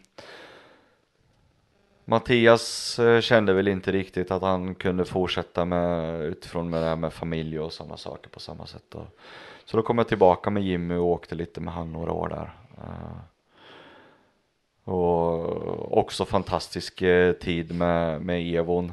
Uh, där vi vann x antal tävlingar och då fick vi också den här Mitsubishi-cupen i Sverige och som också var otroligt kul med, med många som var med i och sådana saker och som vi tävlade i då. Lyckades Eh. ni vinna Mitsubishi-cupen? Nej, tyvärr inte och det är lite sorgligt. Vi vann ganska många tävlingar men vi lyckades inte vinna av någon anledning som jag inte kommer ihåg exakt vad det var. Jag vet bilen gick sönder och det krånglade med motor ett antal gånger. Eh, så. Ja, Men sen så då valde ju Jimmy att, att bygga tian sen. Eh, Men då Ja. vart det också, jag bodde här uppe och Jimmy nere i Östergötland. Eh, Och han och John har ju alltid varit jättebra kompisar och sådana saker så då, och det tycker jag också var jättekul för John att han fick kliva tillbaka och åka med Jimmy. De åkte ju superbra sen i Evo 10 det gick ju hur bra som helst. men så var det ju. Och superbra resultat där också. Ja, Och du fick hamna hos en chaufför som bor lite närmare här uppe. ja så vart det ju. Du hamnade hos Hasse Gustafsson. Ja, det stämmer. Uh, Hasse hade ju drivit uh, det här Subaru Dealer Team uh, under några år men uh, det var väl uh, på upphällning då tror jag. Uh, men uh, Han vi hyrde åkte ut lite bilar då. Ja, han hyrde väl ut lite och sådär men mm. Men vi åkte Subaru då i alla fall. Ja, och åkte, ja, ni åkte nästan bara SM. Ni åkte LBC-ruschen lite utanför men Ja, sen var det nog bara SM va? ja det var det. Vad säger du där då om att ha någon som bor så nära alltså? Ja, det var ju lite skönt igen att, ha det. Eh, Jag hade ju den senaste som egentligen bodde nära då, det var ju då när jag åkte med Lasse Israelsson då. Eh, Så det var ju över tio år sedan typ. Eh, Nej men det är klart, det var ju skönt att kunna åka tillsammans igen på tävlingar och sånt där. Och prata igenom massa olika saker på väg till SM-tävlingar och upplägg och såna här saker och så. ja men ni, du åkte hela säsongen 2010 med Hasse där. Mm. Inte så mycket annat va? Nej, Det blev lite Jag höll mig ganska lugnt där och det, på hösten 09 så, så tog jag ju klivet och, och började jobba som rektor. okej. Eh, och eh, det tar ganska mycket tid eh, i den rollen, yrkesrollen. Så det gjorde väl liksom att det passade mig ganska bra att det inte var sådär superintensivt och eh, mycket då. Så. Men eller hur, du, ni gjorde ju rätt rejäl rullning i Trollhättan. Där i 2010 va?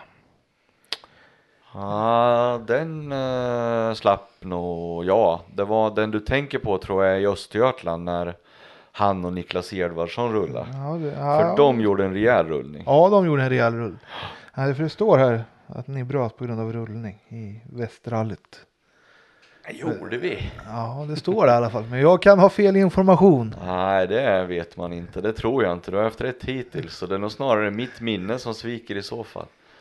Alltså jag har haft sån tur genom alla år så att eh, det har ju blivit en, en, bra bit över 600 tävlingar men det har inte blivit sådär uh, särskilt många rullningar så. Nej. Det var ju... Uh, jag, jag, tog bara vad som stod här. Ja, men det, ja, jag ska låta det där vara osagt. Vi, vi kanske gjorde det. Ja. Rulltårta för dig är delikatess då? ja, det skulle man kunna säga. Jag fick ju min beskärda del av det där med rejäla karameller lite senare sen. Ja, vi kommer ju dit. Om vi tar Hasses år här. Ni, åkte så, ni bytte ju så bra där i alla fall. Ja. Åkte VRXen sen. Ja, kom väl inte riktigt in i den där. Funkar inte. Fick inte riktigt till timing och sånt där och så. Men hur var Hasse att åka med? Alltså, tänker ni ändå? Hasse är otroligt lugn. Um, väldigt enkel att åka med. Uh, fantastiskt trevlig som person. Uh, alltid haft jättekul tillsammans med Hasse. Uh, så att, nej, det är lite lika som med, med Jimmy med, med den här lugnheten och, och tryggheten och allt det här. men kanske Jimmy hade ett strå vassare med att ställa in bilar och lite sånt där. Utan att förringa Hasse naturligtvis. Hasse är också jätteduktig. Det visade han ju något år senare sen. Ja men så är det ju. Alltså det, ni tuffar ju på där och sen. Mm. Men i grupp N-tiden där så var det ju blandade resultat skulle jag säga. Mm. Faktiskt. Ni, ni... Det gick ju bättre för honom och, och Edvardsson när de åkte grupp N. Ja. Definitivt. Så gjorde det ju. Det var det. Men eh, ja. Och det är också lite, det tänkte jag komma till. Du och Edvardsson har följt varandra lite med chaufförsbyten sådär. Ja, av någon, ja, jag, varför vet jag inte men jag och Niklas är jättebra kompisar och vi har alltid stöttat varandra så eh, genom åren. Eller ja, först var det väl lite så att jag eh, tyckte väl, ja, jag är ju lantis och han är ju noll, bodde ju nere i Stockholm så då, först var väl jag lite kaxig och dum kanske och tyckte att jag är en 08 kartläsare ungefär. Men eh, vi pratade ihop oss och, redde ut det där och sen har vi liksom varit superbra kompisar och är superbra kompisar. Så vi har alltid stöttat och hjälpt varandra i olika sammanhang så. När du fick hoppa in i nya VRC-bilen med Hasse, det måste ju ha varit en upplevelse. Om du jämför person med den nyare VRC-bilen. Mm. Uh, nej, alltså det är ju återigen en, en uh, ynnest som inte går att beskriva. Uh, alltså vilka bilar. Det är ju en helt annan värld liksom. Det är, det är så kul att få uppleva det där. Och Forden var ju lite speciell när, när han fick den då. Och, uh, jag kommer ihåg liksom att den var ju väldigt mycket framåt och bakåt i inbromsningar och sådana mm. saker. Och det tog lite tid att liksom lära sig det där och tyvärr la vi ju runt den eh, på ett test innan Sydsvenska så vi inte kunde starta i Sydsvenska då. Så det var ju lite tråkigt och det tog ju hårt på, på Hasse och sådär. Men eh, lyckades knyta näven och göra riktigt bra ifrån sig sen. Ja, det är ju skönt när man får komma tillbaka lite, lite moloken sådär efter man inte ens har kunnat starta en tävling för att man har gjort det på test innan. Mm. Och då är det väl ändå skönt att kunna studsa tillbaka. Mm. Nej, och det var, det var en skitgrej som tog väldigt olyckligt. Det var liksom på vägen ut ur ett vägbyte där, ja den här drog ju iväg lite mer än vad, vad man kanske var van med med grupp M-bilen. Ja. Vilket gjorde att eh, bakhjulet flöt ut eh, lite, lite grann utanför kanten. Alltså vi pratar en decimeter kanske. Och där låg det en sten. Eh, som bakhjulet klättrade upp på och kastade iväg bilen och så högg det och så rullade vi på vägen. Ja, Ja, riktigt surt när det blir så. När man Ja, inte får ens får göra upp om det på, på sträckor om man säger. nej. Men eh, ja, vi kom tillbaka och, och han åkte ju riktigt bra sen alltså. Mm, Ja, och sen hoppade in och åkte lite Peugeot med Björn Adolfsson. Ja, det vart ju efter eh, det här med Hasse. Ja, för ni, du åkte bara med han i Uppsala sen Hasse i VRC. Nej, vi åkte.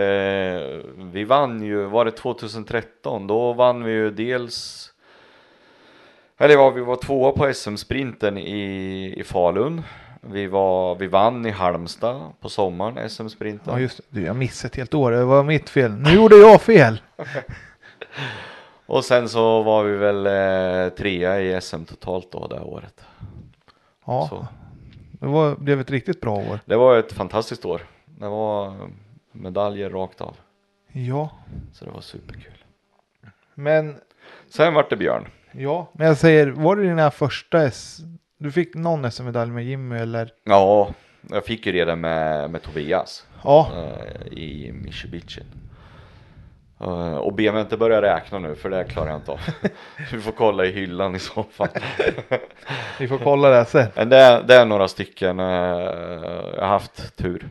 Helt klart. Eh, Så är det. Och eh, mm, det verkar ju som att jag ska få åka till Bilsportgalan i vår om det nu blir någon. Så. Ja, ja Det i vår, det är ju kul. vinter. Ja, vinter.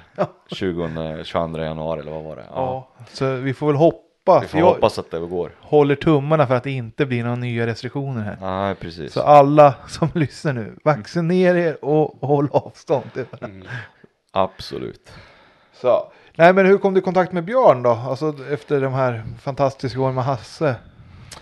Eh, jag undrar om inte det faktiskt var Niklas som eh, connectade oss tror jag.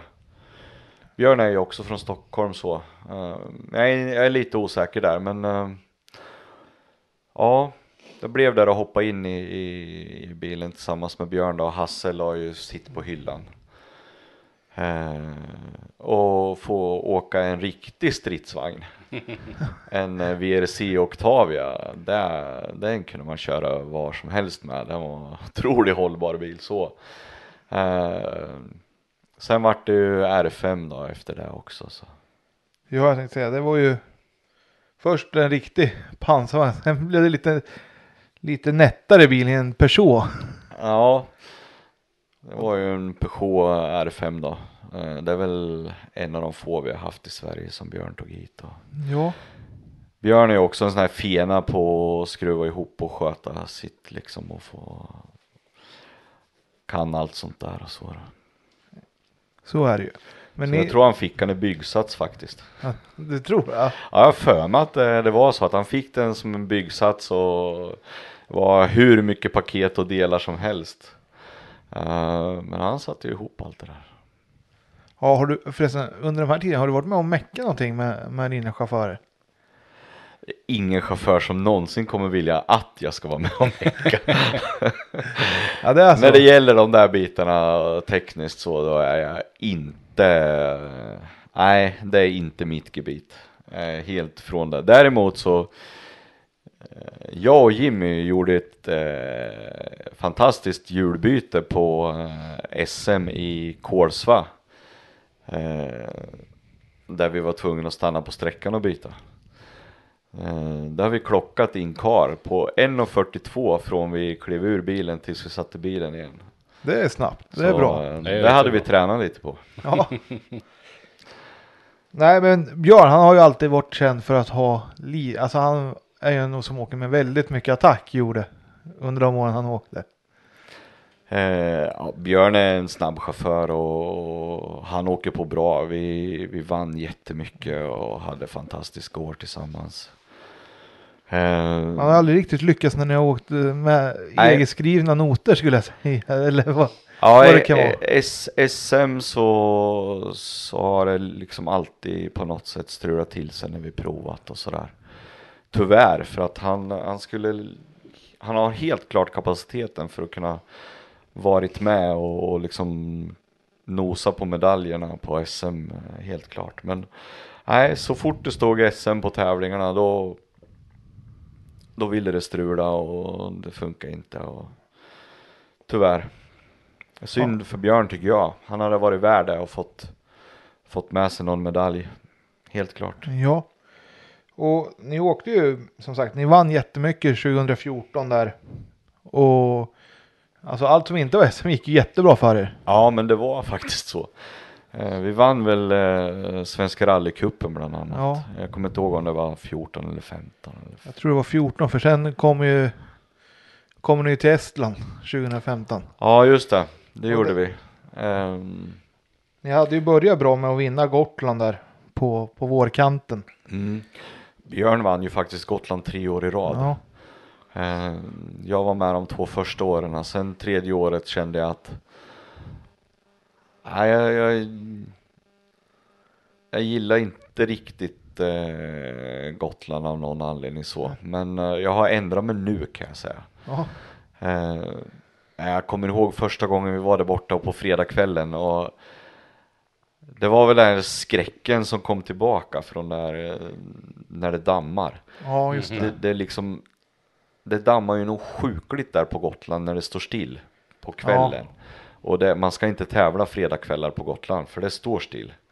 Det går jättebra när det liksom är bris och sånt Ja. där och, och det är det ju normalt där på dagarna. Men just på kvällarna när det mojnar, det, det går inte. Och jag kommer ihåg på ett avsnitt där precis utanför Visby vi åkte. Alltså jag såg ju ingenting på flera, flera kilometer liksom. Det var ju lotteri liksom. Fullständigt livsfarligt. Men eh, jag vet inte om det var det som, som gjorde att jag eh, inte tyckte att Gotland var kul. För Gotland är egentligen jättekul. Tofta är ju otroligt häftigt och speciellt, helt klart. Ja. Men om vi tar oss till Estland då. Ni skulle åka, Mm. det var en EM-tävling eller hur? Ja, det stämmer. Eh, vi åkte över dit och, och liksom skulle försöka lite där då. Eh, det slutar ju dessvärre i, i den värsta resan som jag har gjort överlägset sett eh, i en rallybil någonsin. Ja, jag har sett bara bilder på typ i vägskuttet. Det var över ett hopp, eller hur? Som det Ja. sket sig totalt. Ja, det var, det var ett snedlyft var det. Eh, och det var liksom gärden runt omkring. Eh, så det var, det var lite svårt att liksom sätta riktningen på bilen helt hundra hundra. Eh, och man var tvungen att placera bilen på, på rätt ställe på lyftet så att det inte drog iväg snett för mycket och sådär. Och vi satte, Björn satte bilen perfekt på spåren liksom, men lite, lite, lite, lite eh, fel riktning.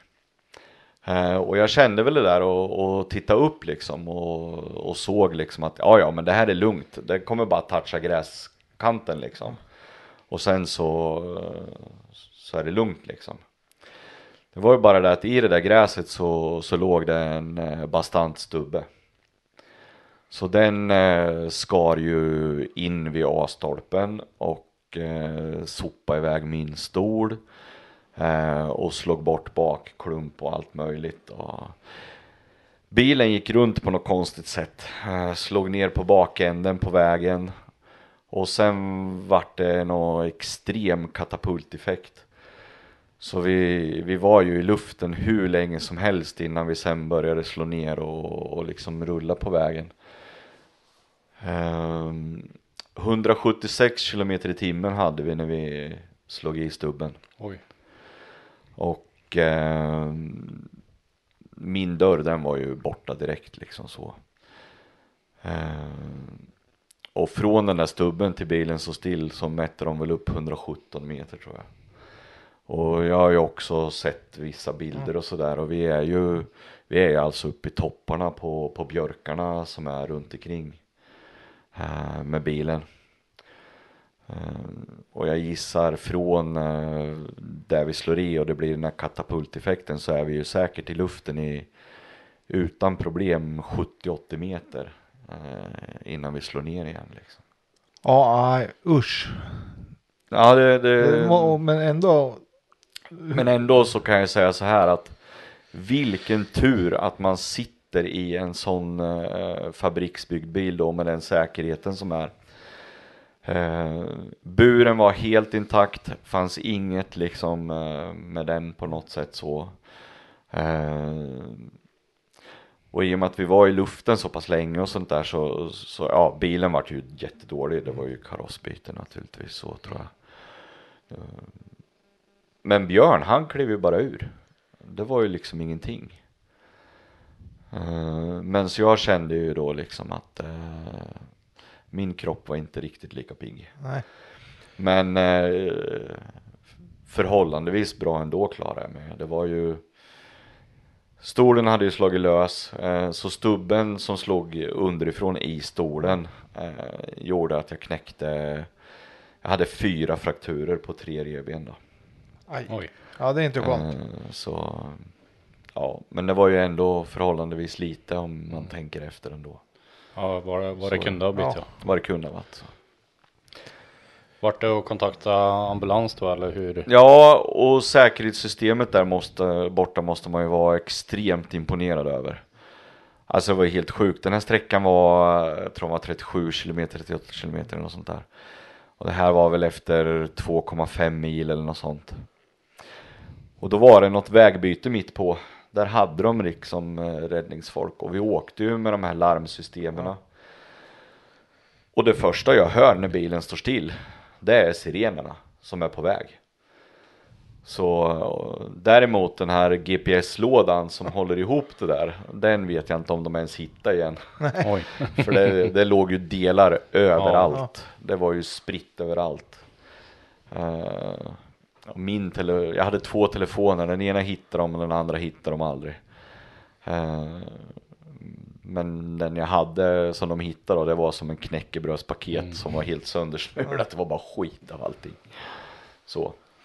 Men jättebra sjukvård. eh, De hjälpte oss eh, på ett jättebra sätt och och de var jättenoga med allting på sjukhuset och sådär också. Så att, nej, det funkade otroligt bra. Skönt det gick så bra.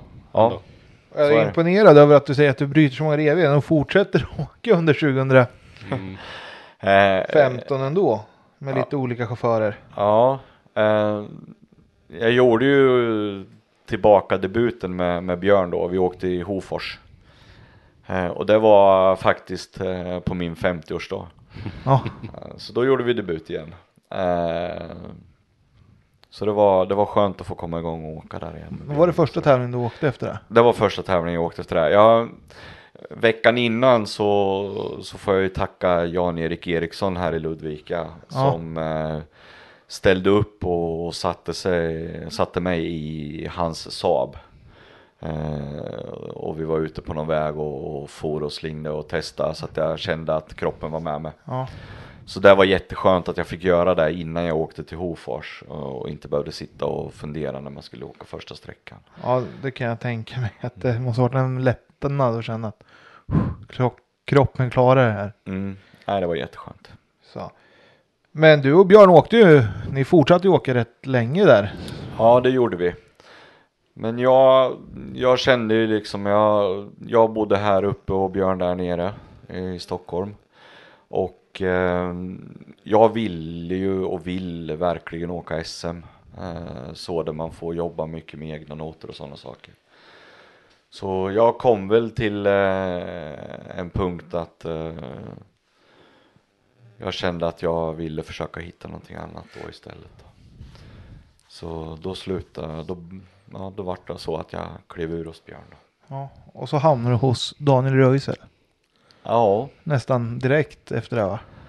ja. Mitt i eh, säsongen. Mitt i säsongen och på tal om reben. ja, och sen samarbetet med Niklas då och våran vänskap. Eh, klockan var 11 på tisdagskvällen. Eh, telefonen ringer och jag bara tänkte, vem ringer nu? Jag ska upp tidigt imorgon bitti och jobba och liksom. Och sen, sen hör jag liksom bara i andra ändan någon som typ kvider. "K- Kan, kan du åka ner till Sydsvenska med Daniel? Ja, då är det sån otur så att Niklas har alltså gjort i ordning husbilen. eh, för att åka iväg på morgonen ner till Sydsvenska. Och ställer sig på en sugga, eh, cementsugga för att kolla och halkar och slår i den där cementsuggan med revbenen. Ah. Så han ligger ju på sjukhuset eh, och ringer då därifrån och ber att jag ska åka ner och åka med Daniel. Och det var väl eh, inget att fundera på utan det var bara att se till att packa väskan på morgonen sen och, och sen åka ner dit istället då. Ja, vad sa kollegorna då? Nej, återigen, eh, jag har haft tur med bra arbetsgivare och chefer och sånt liksom. Och... Så det var liksom inga problem. Det var ju, i, det var ju bara en dag det handlade om att ta ledigt då. Ja, för det med lite att, eh, flygare. Ja, precis. Eh, Så det var väl inte något nå större problem utan det var bara att åka. Ja, och sen blev du kvar hos Daniel säsongen ut där. Mm, uh, det vart så. Eh, en otrolig chaufför. Eh, kanske den chaufför som jag åkt med som som imponerat något enormt på att vara så ung men ändå så precis i allt han gör i, i förberedelser och, och notskrivning och, och sådana saker. Det är ytterst, ytterst sällan jag gjort några ändringar efter första varvet. Och sen att få uppleva den precisionen han har att åka efter det han skriver. Nej, det, det, det är magiskt. Helt otroligt. Han är fantastisk på det här sättet. Alltså. Ja, och sen fick du åka R2T-bil också.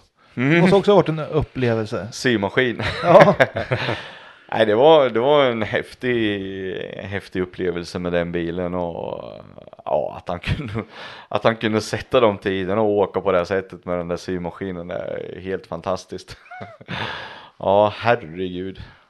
det, var, det måste ha Det är varit lite K-minnen tillbaka. Det var det. Ja. Så. Men sen kom, du- åkte du lite med Björn också under tiden. Alltså du varvade mellan Daniel och... Ja, Då- någon, någon tävling där, men sen vart det ju beslutet. Så. Så. Och sen 2018. Då så blev det ju också åka lite, du fick åka svenska med John Andersson. Mm. En R5, hur var det? Eh, nej, det var, det var jättekul. Um, Johnny är lite impulsiv och, och fick förfrågan att hoppa in där och, och vi hade någon, någon pressträff där det presenterades eh, och sådär. Och, men han har lite svårt att bestämma sig för vad han ville åka och inte åka. Ehm, Eh, och det vart svenska och det vart inte mer på grund Nej. av det då liksom. Eh, så. Men sen åkte jag ju med Daniel igen och sådär alltså. Ja, Mm. och då, det kanske inte var jättemycket SM det året va? Jo då, men det gick ju sönder tror jag. Stup i ett. Ja. Ja, för det har Daniel haft lite oflyt när han åkt korsa. Alltså har, bilen har inte riktigt hållit. Nej, vi, vi har ju haft några motorras som vi säger så. Ja, det måste nästan vara ett rekord i sig. Det var väl typ tre stycken det där året eller något sånt. Nej, det var inte det 19? Ja, det kanske var 19 till och med det. Ja. Men eh, ja, nej, han, alltså han åker så hårt på grejerna och sådär. Men eh, ja, sen varför det liksom har gått sönder, det, det är min otekniska sida som inte kan säga varför. Det kan ju vara skönt att släppa det. När man inte kan det. Ja, fast tävlingsmänniskan släpper det ju inte. Nej. Alltså man eh, Det är inte kul att, att veta och dessutom kanske leda och veta liksom att vi kan vinna och så hör man bara hur det rasslar till. Alltså den eh, Nej, den känslan den eh, kan man vara utan kan jag säga. Ja, det förstår man ju verkligen. Usch. Ja, Ja, nej, inte kul alls. Nej, för det, det du nämner är ju 2019 när ni, ja, ni var i ledning i någon eller ett par SM-tävlingar när motorn la av. ja. Eh, Det var ett antal där tyvärr. För ni, ni vann ju, Bergslags vann vi. ja, och ledde inför, för då var det ju bara en vintertävling 2019. Ja, det var det. Och skönt att få vinna lite he- hemmatrakter här uppe. Du får vara start och där i Ludvika ju. Ja, det var superkul att få vinna hemma och vinna Bergslags. eh, Jag har varit nära någon gång tidigare på Bergslags i, i grupp H med Lasse Israelsson. Jag tror vi var två eller tre något år men nu fick man en, äntligen vinna Bergslags. Eh, Jimmy och jag var väl nära med, med Peugeot också tror jag men 206 där men eh, nu fick man vinna och det var jättekul att få göra det här hemma och Återigen eh, ett otroligt taktiskt spel från Daniels sida och hur han eh, planerar och lägger upp det han gör. Satte liksom en supertid på första sträckan eh, på en gång och tog kommandot och helt klar strategi inför björnjägarna och gå ner i, i eh, dubbutstick. Där vi visste liksom att eh, vi kanske skulle komma och tappa på sträckan men eh, å andra sidan skulle vi kunna ha däck kvar. Eh, jag tror ändå vi vann sträckan faktiskt Ja. eh, och utökade men sen ja, så satte vi på de däcken vi hade haft på första sträckan eh, inför tredje och de tog fullständigt sopslut eh, fram eh, mitt på den sträckan. Okej. Eh, det var lätträknat på dubbsidan kan Ja. jag säga. Eh, och då, då insåg vi ju ännu mer vikten av det där med strategin. Så sträckorna efter sen så, så tog han inte i lika mycket. Eh, så, utan höll liksom eh, tiderna mot Robin och övriga och sådana saker. Och sen så hade vi då de här 7 mm däcken kvar. Som vi slog på på de eh, två sista sträckorna. Ja. Eh, och framförallt eh, satte riktigt fräscha på, på fram på sista. Och då tog vi ju Robin med tror jag 7 eller 8 sekunder och, och vann då. ja. Skön, skön seger. Ja, otroligt eh, härlig seger och, och framförallt när man eh, lyckas med den plan och, och de taktiska dragen som han eh, hade då. Jättekul. Ja, och sen fick ni vinna SM-veckan. Och så fick vi vinna SM-veckan och det var ju ännu roligare kanske. Ja. SM-guld är alltid SM-guld. Ja. Så, är det. men det var nära nerför backen. Ja, det vet jag inget om. Nej, du, du minns inte. jo, jo. Jag minns Ja, det- mer än väl och jag vet nog till och med det vad jag liksom eh, sa också inne i bilen och det finns väl på SVT antar jag men eh, eh, jag kände ju liksom att han kom in lite för eh, tidigt mot vallen utför Ja. backen där in mot travbanan och satte i framhjulet och eh, bilen reste upp och Ändå så sitter jag, alltså jag har ju inte en aning, ändå sitter jag i bilen och säger så här. Det är lugnt, det går bra, det är lugnt, det går, det går. ja, och det gick. Eh, så det, Det var lite stolpe in för en gångs skull. det var stolpe in, helt klart. Och För- det var det väl också sen egentligen i, i finalåket. För då mitt på sträckan innan vi började den nerförsskjutsen som var från berget där in mot travbanan. Så, ehm, så touchade det också i liksom och höll på att liksom vända runt bilen. Men han redde ut det också och vi klarade guldet. Även om det vart onödigt hårt mot hägg. Ja, ja, riktigt spännande var det. Hela Ja. dagen där faktiskt. Ja, Och en riktigt rolig sträcka. Riktigt utslagsgivande SM-vecka. Sprint måste jag säga. Absolut, en superbra sträcka. Någonting som jag hoppas att många andra arrangörer tar efter eh, det upplägget man hade där i Sundsvall. Eh, riktigt tekniskt, eh, innehöll det mesta. Samtidigt som man liksom kunde ge det som behövs till publiken och sådana saker. Så jättebra arrangemang där uppe, helt superbra. Men sen var det ju. Sen började ju grussäsongen och motorrasen efter. Bör, Sydsvenska kom ni i mål faktiskt. Ja, fast Men- det var mycket med möda och besvär tror jag. Ja. Det blir ju typ nio i klassen. Ni tog ju en SM-poäng. Ja. Eller två. Det var ju, vi, vi ledde väl då också tror jag. Och så hoppar alltså gasvajern av från gaspedalen. Ja. Så vi får stanna på en sträcka eh, och Daniel lyckas reda ut det där och få dit det. Så jag kommer inte ihåg, vi tappar ju flera minuter på den sträckan innan vi väl kom i mål. Då. Ja, Sen var det jakt. Så jag åkte vi så mycket vi kunde. så är det ju. Och sen till Nyköping, då ledde ni tror jag när ni rasade motorn. Ja, stämmer. Ehm, det var ju också... Ja, eller ledde ni eller var ni två efter jag, Fredrik? nej, jag kommer inte ihåg. Vi tapp, jag tror vi tappade successivt eh, under dagen när motorn var sämre och sämre. Eh, på lördagen. Vi, vi var ju snabbast på de två första sträckorna där på fredagskvällen. Ja, det var ni. Eh, men sen redan på, på trean så började ju Daniel känna att det liksom inte var riktigt hundra. Nej, Jag tror vi fortsatte hålla ledningen men sen på fjärde tror jag det var. Nej Brodin gick om.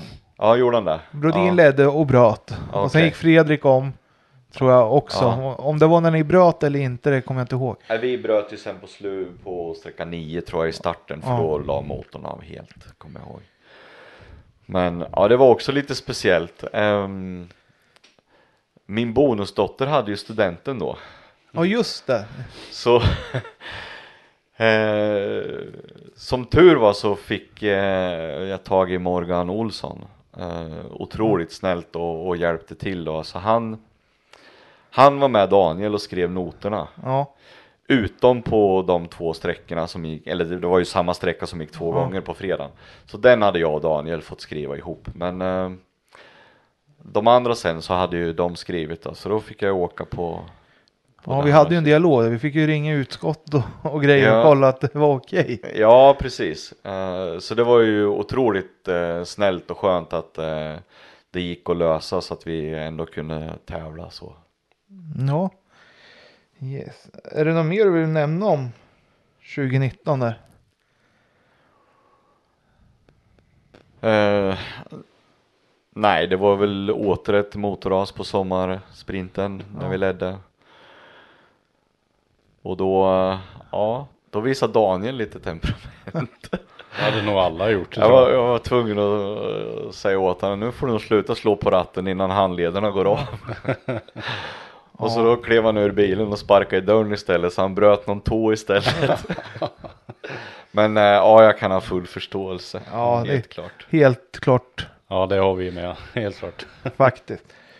2020 blev ett mellanår. Du fick åka med Lasse igen. Ja, i Lima. Ja. Få hoppa in i Ford Escorten igen. Ja. Ja, det var superkul. Eh, vi vart ju rejält frånåkta av Emil och eh, vem var det mer?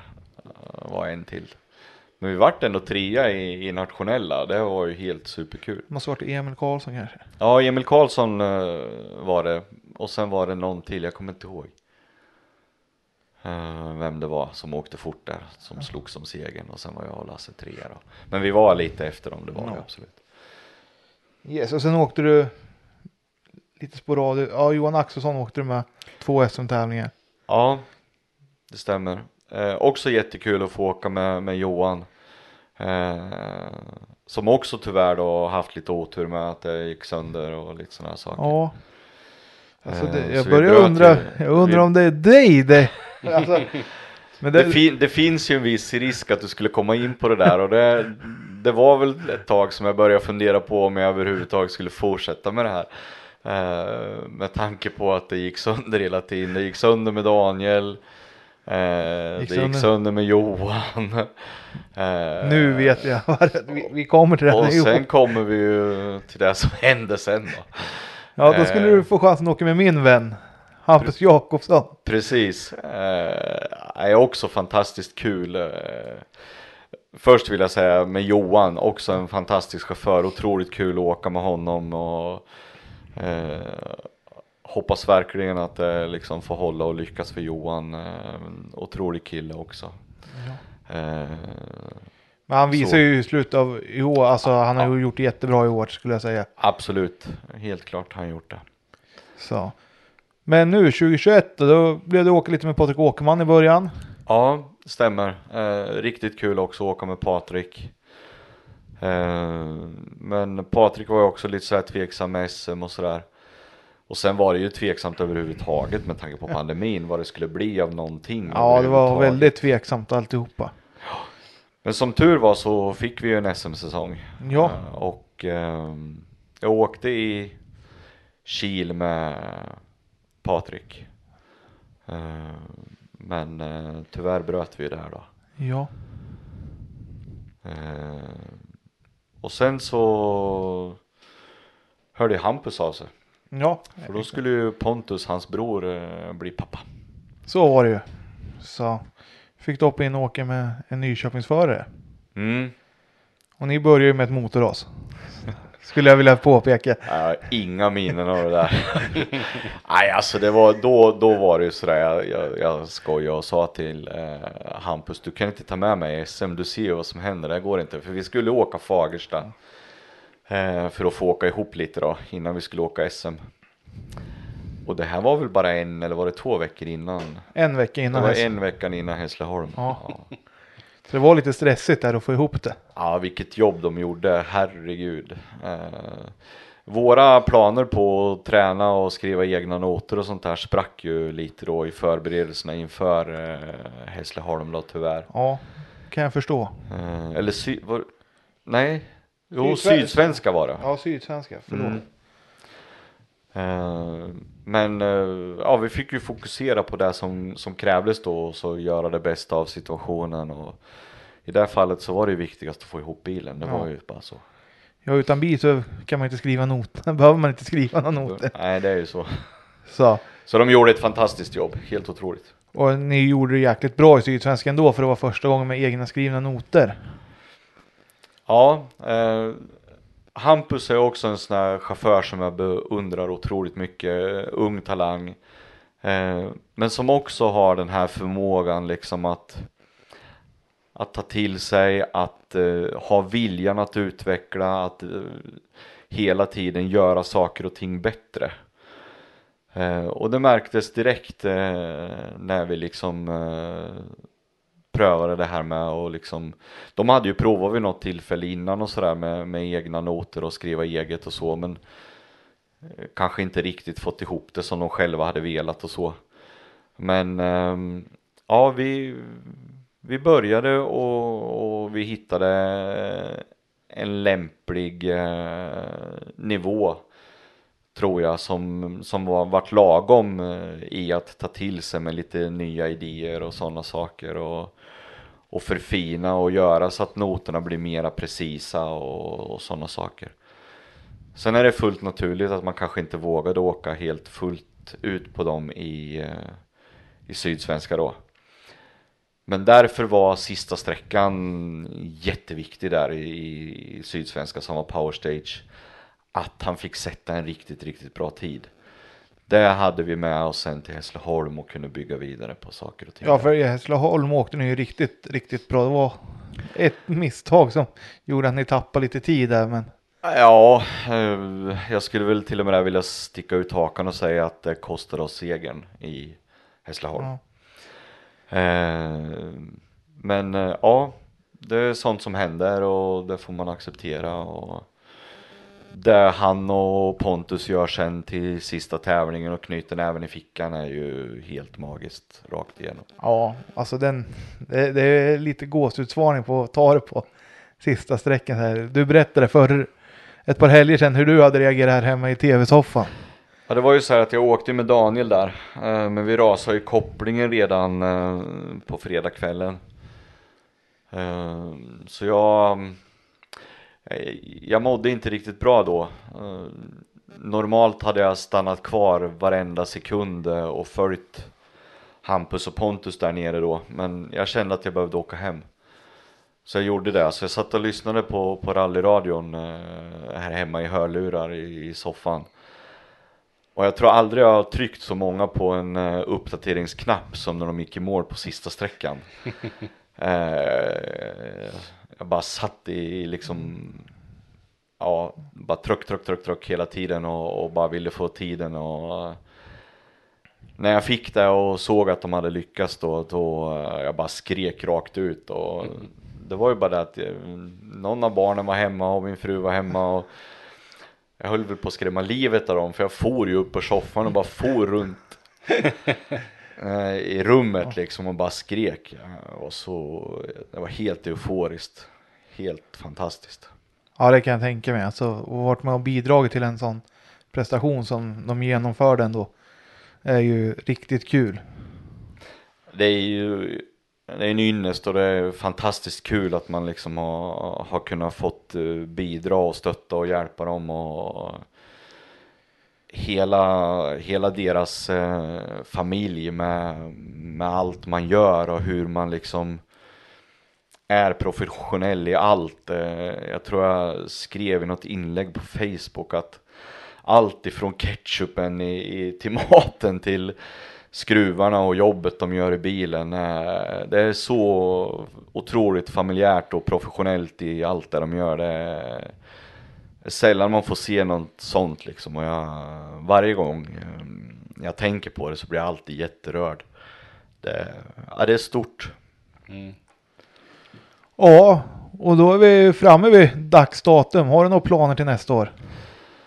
Ja, just nu är väl planen att bli frisk, eh, tyvärr. Eh, jag önskar att det vore andra planer. Eh, skulle gärna sitta i en bil uppe i Boden, men eh, så kommer det inte att bli nu då. Eh, tyvärr så fick jag lungorna fulla med blodproppar och håller på och eh, rehabilitera mig från där nu då. Läkarna har fått mig att förstå att det kommer ta en jättelång tid och jag får acceptera det. Hur ogärna jag än vill det. Jag vill hellre tävla men eh, så är det just nu och eh, det är bara att acceptera det och sen får jag se till att sköta det för det kommer att krävas för att jag överhuvudtaget ska kunna komma tillbaka i en rallybil igen. Så. Den motivationen finns ju trots allt då så att eh, det känns skönt. Ja, vi hoppas verkligen du får komma tillbaka så snabbt och så pigg som möjligt i en rallystol igen. Ja absolut. Det tycker nog alla våra lyssnare med som det här nu. Det tror jag. Ja tack så jättemycket. Ja, ja, men Daniel, nu är det ju dags för dina frågor här. Jajamän. Um, vi kan börja med värsta tävlingsminne. Skogsminne. Värsta måste nog vara... Nej, det är faktiskt eh, egentligen Nya Zeeland med Joakim Roman. Ja, okej. Det var tre kilometer kvar på sista sträckan och han, vi lyckas hänga bilen över kanten. eh, Och ja, jag höll på i hur länge som helst och försöka få upp bilen, det fanns ingen folk, ingenting. Men att bli hängande tre kilometer från mål på sista sträckan och få komma i mål på en VM-tävling i Nya Zeeland.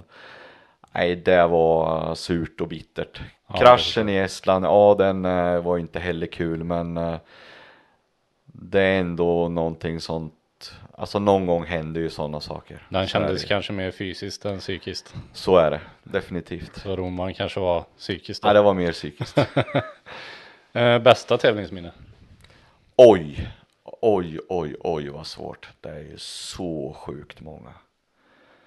Herregud. Eh, ja, alltså totalsegern i Quebec var ju otroligt speciellt. Ja. Eh, SM-gulden, eh, inget av dem nämnt eller glömt. Nej, du har ju återkommit mycket så det är svårt att välja ut något. Nej, jättesvårt. Eh, alltså vissa segrar med Jimmy som eh, var helt euforiska och likaså året med Hasse. Alltså det är så jättemycket. Det, det är jättesvårt att utse något. Ska jag ta någon specifik tävling så, som var väldigt speciellt, det var ju Pikes Peak. Ja, det kan jag tänka mig. Alltså det, det går inte att, att komma ifrån. Så. Ja, det förstår. Eh, nästa, har du, du som är kartläsare, har du något speciellt med dig ut i bilen för att känna dig trygg? Att eh, nu, nu känns det bra, nu kan vi starta. Och så har du inte med dig det så känns det inte som det kommer bli en bra dag. Ehm, nej, jag, jag har ingen sån eh, trigger på det här sättet. Däremot så, så har jag ju orienteringen och, och allt annat idrottande och tacka för eh, när det gäller den här biten. Jag började med, med tillämpad mental träningslära redan när jag var 14-15 år. Och det är ju någonting som jag haft enorm nytta av både liksom i tävlingssituationer men också jättemycket i, i liksom min yrkesroll och sådana saker. Eh, Så att det är väl där jag i så fall kan säga att jag tar mitt stöd och, och liksom eh, ja, eh, att kunna klara av att slå på och av i, i koncentration och, och fokus i det jag gör. Garagetabbe, du, du har ju nämnt att du inte har skruvat så mycket med grabbarna du har åkt med men har du sett någon uh, garagetabbe kanske? Uh, nej, men uh, jag har väl gjort en garagetabbe ja. själv ändå fast inte i rallysammanhang. uh, jag bytte väl hjul på någon släpkärra och la till och med det eh, fällkorset vid fötterna för att jag skulle komma ihåg att verkligen dra hjulen på morgonen innan vi åkte iväg. Det var full med skräp. Ja. ja. Vi kommer väl 500 meter och så bara känner jag liksom att shit. Och så såg jag bara hjulet i backspegeln. Eh, så ja, eh, ja ju... man har gjort sina tabbar i livet helt klart. Nu får du kartläsarmiss. Ja, du vet efter covid-19 så har jag fått hjärndimma så det jag glömmer både namn och ord ibland. Kartläsarmiss, har du lyssnat? Lyckats ja. åstadkomma en sån? Eh, ingen sådär eh, som jag kommer ihåg som är sådär jätte liksom att jag har tagit två sidor eller eh, några sådana där jättegrejer och, och sulla till det. Det är klart, jag som alla andra har väl eh, tappat bort mig någon gång men jag, mycket tack vare orienteringen tror jag gör att jag har väldigt, väldigt snabbt kunnat hitta tillbaka och sådana saker. Um, jag höll väl på att göra bort mig rejält en kartläsarmiss en gång när vi det var när jag åkte med Magnus Karlsson när vi åkte in i en TK för då var bilen framför oss hade försvunnit och det glömde jag bort så jag följde ju bara med rutinen liksom att eh, man följer med bilen bakom eh, eller framför och mm. följer med bakom då. Eh, så då åkte jag ju in. Men som tur var så kom jag ju på när vi var på väg fram till TK-bilen att jag får ju åka in minuten före så länge jag inte lämnar ifrån mig kortet. Så jag räddade mig ju i den eh, situationen då med att eh, börja prata med TK-personalen istället och lämna den ifrån med kortet. eh, men då var det väldigt nära att det hade kunnat bli prickbelastning. En nära kartläsarmisstag i alla fall. Ja, det var väldigt nära. um, som sista grej har vi börjat med, vem skulle du vilja höra i podden?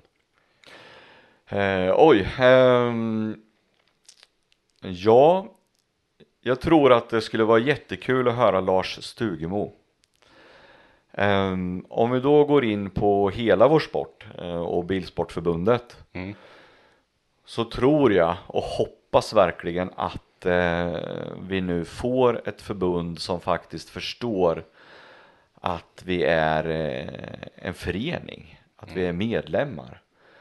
Och jag hoppas att vi får ett mera jordnära samarbete med med alla våra motorsportsorganisationer och eh, jag hoppas att Lars vågar och vill sätta sig helt i rodret eh, på Svenska Bilsportförbundet. Och jag vet flera andra, eh, Maria Björk Svensson till exempel, otroligt eh, eh jordnära och eh, fantastisk person och jag tror att det är det vi behöver för att faktiskt eh, få hela den här organisationen att bli riktigt, riktigt bra. Så jag hoppas väldigt mycket på den här styrelsen och det skulle vara fantastiskt kul att höra hur Lars tänker runt de här grejerna. Mm. Det tycker jag skulle vara spännande. Vi tar eh, emot anpassningen, helt klart.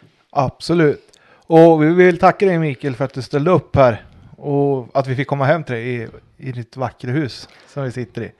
Tack snälla, ni har varit så hjärtligt välkomna. Tack för allting. Tack så jättemycket. På återhörande.